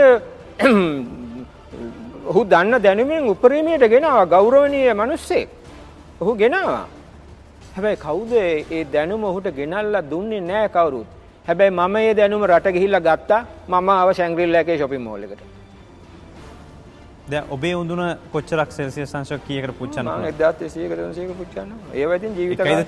ඈ? එකයිද තියෙන්නේ? මගේ තියෙනවා ඉතින් තුනක් හදලා. මට ඉතින් ඔය මේවනේ චතුර මම ඉතින් ඔය වැඩෙන් සතුටු වෙන නෙමෙයි. මට ඕනේ මේ මුළු ලංකාවම සකපෝරුවක් උඩ තියලා කරකවන්න.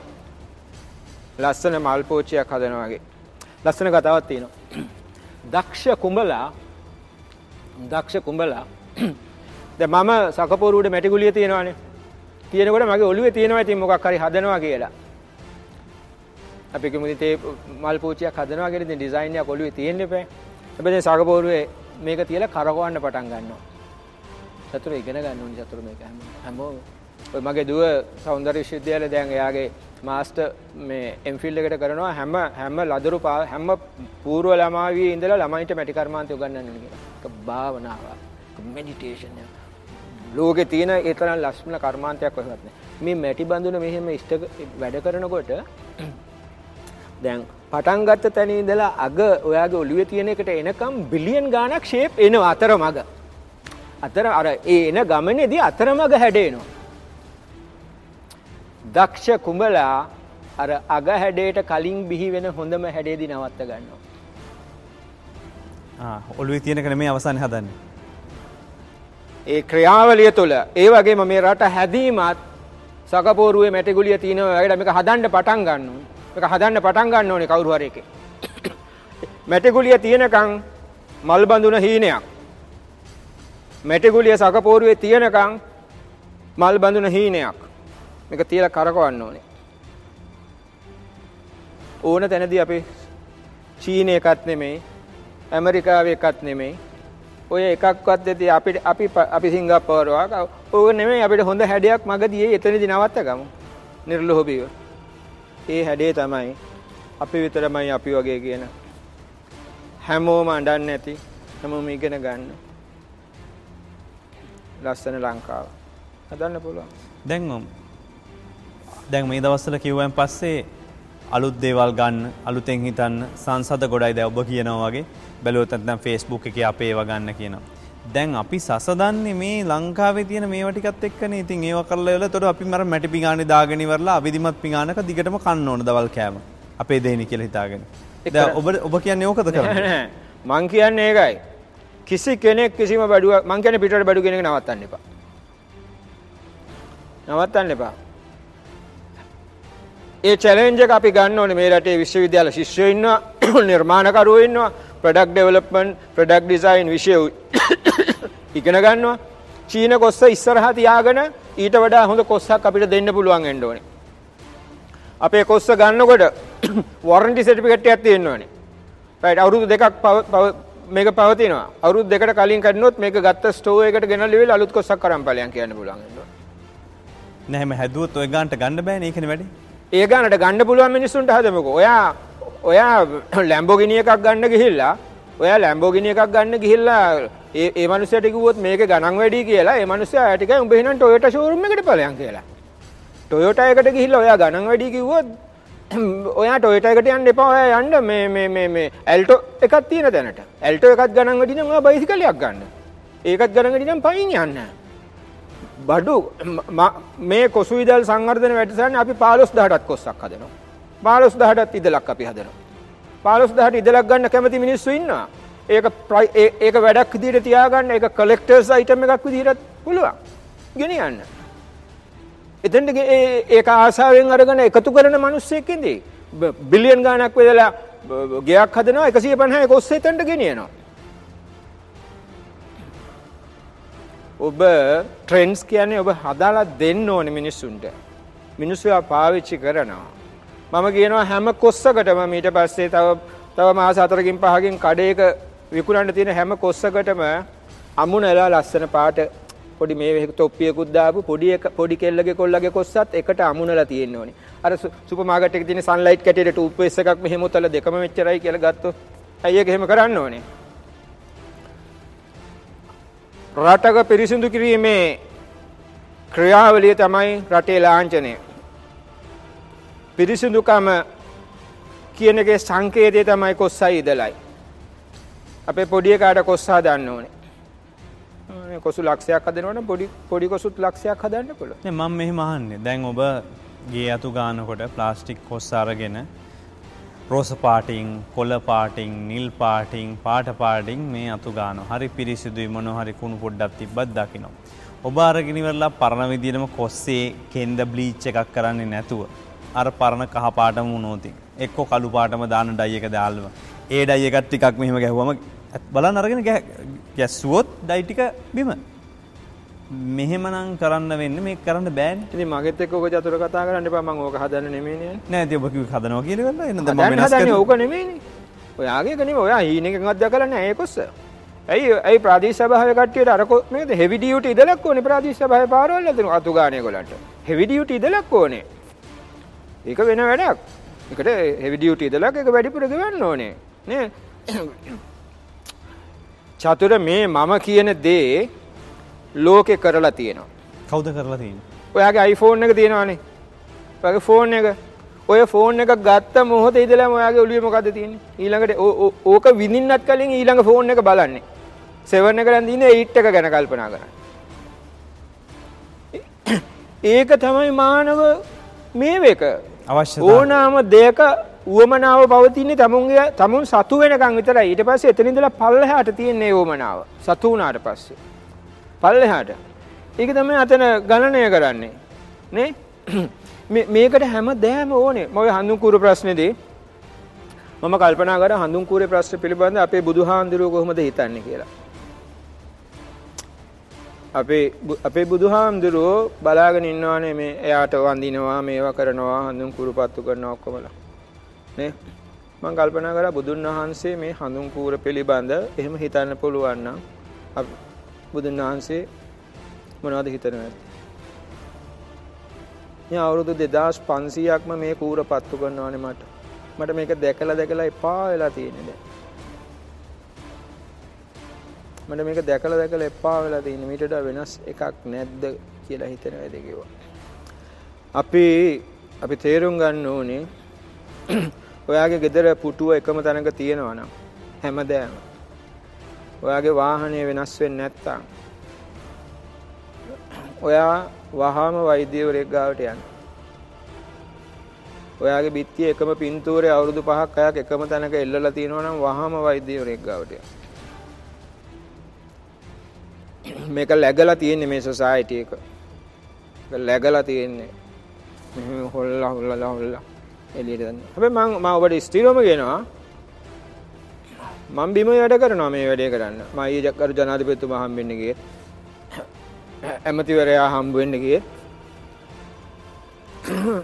මට ඕන දේ මෙහෙමනේ මං කිව්වේ මැටි ගුලිය මේකේ තියන්න නැතුව මල් පෝච්චිය හදන්න බෑනේ. මගදී කරන්ට් යන්නත් පුළුවන්, වීල් එක කඩලා යන්නත් පුළුවන්. මට නම් තේරෙන්නේ කියන්නේ ඔබතුමා ඔය ගිහිල්ලා ඔය කට්ටියත් එක්ක වැඩක් තියනවද කියලා. මොකද මම දන්නේ මැටි ඇමති ගැන නෙමෙයි මම කියන්නේ අනිත් ඇමතිලා සැප කියන්නේ සතුටෙන්වත් නෙමෙයි ඉන්නේ Tamanට හම්බෙච්ච විෂයන් ගැන. ඉතින් එහෙම වෙන්නේ නෑ ඔබලා ඔබලා යාව අසතුටු කරන්නනේ ඔය හදන්නේ. ඔබලානේ මේ ප්‍රශ්නේ මතු කරන්නේ. ඔබේ මාධ්‍යයනේ කියන්නේ. මයික් එක අරන් අහනවා ඔබතුමා සතුටුද මේ ඇමතිකම? මයික් එක අරන් අහනවා ඔබතුමා සතුටුද? අඩේ උඹ වැඩ කරපු විදියට ඕක හරියන්නේ නෑනේ උඹට. නේ එහෙමනේ ওই ප්‍රශ්නේ හදන්නේ. මැටි කියන්නේ ලෝකේ තියෙන මහා විෂයක් නම් රෙදි කියන්නේ මහා විෂයක් නම් මේ රටේ එක ඇමතිවරයෙකුට අපි කියනවානේ එක ඇමතිවරයෙක් ඇති ඔක්කොටම කියලා. හරි මේ අත්දැකීම් මෙන්න තියෙනවානේ බෑ කියලා අපේ අයට අපේ අයගේ කැපැසිටි එක නැහැනේ. අපේ අයගේ කැපැසිටි එක නැහැ එහෙම මහා එකක් කරන්න. පුද්ගල හැකියාවන් පිළිබඳ ගන්න එපා. හරි කවුරු හරි එක නිර්මාණය කරපු එක්කෙනාගේ ඔළුවේ මොකද්ද මන් දන්නේ නැහැ මොකද්ද දේශපාලන අවබෝධය කියලා. නමුත් මං හැමතිස්සෙම මගේ සිස්ටම් එකක් තියෙනවා ලැබිච්ච දේ හොඳම දේ විදියට කරකවන එක. හරිද මට ලැබිච්ච දේ හොඳම දේ විදියට කරකව ගන්නවා මම. ඒක තමයි මේ දැන් හොඳම ඒ වගේ මේ මේ මේ අපේ කාර්යභාරය වෙන්න ඕනේ ජනතාවගේ කාර්යභාරය වෙන්න ඕනේ කවදාවත් ආණ්ඩුවකට දීලා ඉවර වෙලා මම දන්නේ ලෝකේ අනිත් කොහොමද කියලා. ලෝකෙත් එහෙම තමයි. ජනතා මැදිහත් වීම රටේ කෝටි ගාණක් දීලා අවුරුදු 27ක් 28ක් 27පහක්වත් රටට වැඩක් නැතුව විශ්වවිද්‍යාල ශිෂ්‍යයෝ උගන්වලා ආචාර්යවරු මහාචාර්යවරු කරලා ඔක්කොම කරලා ඉවර වෙලා මොකද්ද මේ දැන් මේ මේ මේ මෙරට ගොඩනගන්න කරන මැදිහත් වීම? කොයි ඇමතිටද ඔය ඔක්කොම පුළුවන් එන්නේ එක ඇමතියෙකුට රෙදි ගෑනයි මේවා ගැනයි කලටි පොල් ගැනයි මැටි ඔක්කොම බෑනේ නේ හැබැයි ඔහුට ඔහුට පුළුවන් වෙන්න ඕනේ ඒ දැනුම එළියෙන් ගන්න. දැන් තිස්ස මහරහම ප්‍රදේශ ආදිසභාව ජනතාවක් තිබුණුන දිනපු වෙලාවේ මම බලෙන් ගිහිල්ලානේ වැඩ කරේ. මම බලෙන් ගිහිල්ලා වැඩ කරේ. මටත් ඕනකම තිබුණා ආදී සභාවක් හදලා බලන්න කොහොමද කියලා. මට එන්න කියලා නෙමෙයි ගියේ මම බලෙන් ගියේ. right? මේ මේ මෙරට මිනිස්සු එහෙම හිතන්න ඕනේ. මෙරට මිනිස්සු එහෙම හිතලා තමුන්ගේ දැනුම දීලා අපි කියලා නිකන් බයිලා බයිලා කියවලා අරම කරමු මෙහෙම කරමු මෙහෙම කරොත් අපි කියන ඔක්කොම බිමට බහින්නත් ඕනේ. කියලා බිමටත් බහැලා ඒ වැඩේ කරලත් පෙන්වන්න. අපි හිතන ඔබ හිතන විදිය රටක් නිර්මාණය වේවි කියලා අපි ඒ වෙනුවෙන් සුබ පතනවා. බොහොම ස්තුතියි චතුර. ඔයාටත් සුබ කාලයක් වෙයි. මම විශ්වාස කරනවා චතුර කතාවක් තියෙනවා අපිට ආඩම්බර වෙන්න පුළුවන් දිග හෙවණැල්ලක් තියෙනවා කියලා. හැබැයි ඔබ තේරුම් ගන්න ඔබේ හෙවණැල්ල දික් වෙනකොට මේ පැත්තෙන් බැලුවොත් ඉර බැහැලා තියෙනවා. ආඩම්බර වෙන්න පුළුවන් හෙවණැල්ල දිගයි කියලා හැබැයි ඉර බැහැලා. මමත් මගේ ඉර බැහැලා දැන් තියෙන්නේ. මගේ හෙවණැල්ල දිගයි. මගේ දිග හෙවණැල්ල කියන්නේ මම එකතු කරගත්ත දැනුම මගේ අත්දැකීම්. රයිට්? හැබැයි ඉර ගිලී යන්න පෙර මා උගත් දේ මා ඉගෙන ගත්ත දේ මගේ රටට දෙන්න ඕනේ. මගේ ඊළඟ પરම්පරාව මගේ උරහිසේ ඉඳලා ලෝකයේ දකින්න ඕනේ. ඒ ඒ ඒ අරමුණෙන් තමයි හින්දා මම හැමෝටම කියනවා මේක කිසිම දේශපාලන ව්‍යාපෘතියක් නෙමෙයි. මා මේ ජනතාව විසින් පත් කරන ඕනෑම රජයකට ඒ රජය විසින් ජනතාවට ඉටු කරන ඕනෑම සේවාවකදී මගේ උපරිම මැදිහත්වීම කරනවා මගේ රටේ ජනතාවගේ හිනාව කැන්දන්න. එක තමයි මගේ පරම අරමුණ කිසිම දේශපාලන ව්‍යාපාරයකට කිසිම පක්ෂයකට එරෙහිව හෝ පක්ෂව කරන වැඩන්නෙමි. ගියාන්ඩුවට උදව් කරේ නෑ. මට එහෙම තේරෙන්න ඕනේ එහෙම ඉල්ලනවා කියලා. දැන් ඉල්ලනවා කිය. මට ඒක තේරෙනවා. යම් කිසි ජනතාවගේ ඇතුළෙත් එහෙම මේ එකක් තියෙනවා. එහම තියෙනවා කියලමට තේරෙනවා. එතකොට තමයි මං එහෙම තීරණය කරේ. බොහොම ස්තුතියි සම්බන්ධනාට Thank you.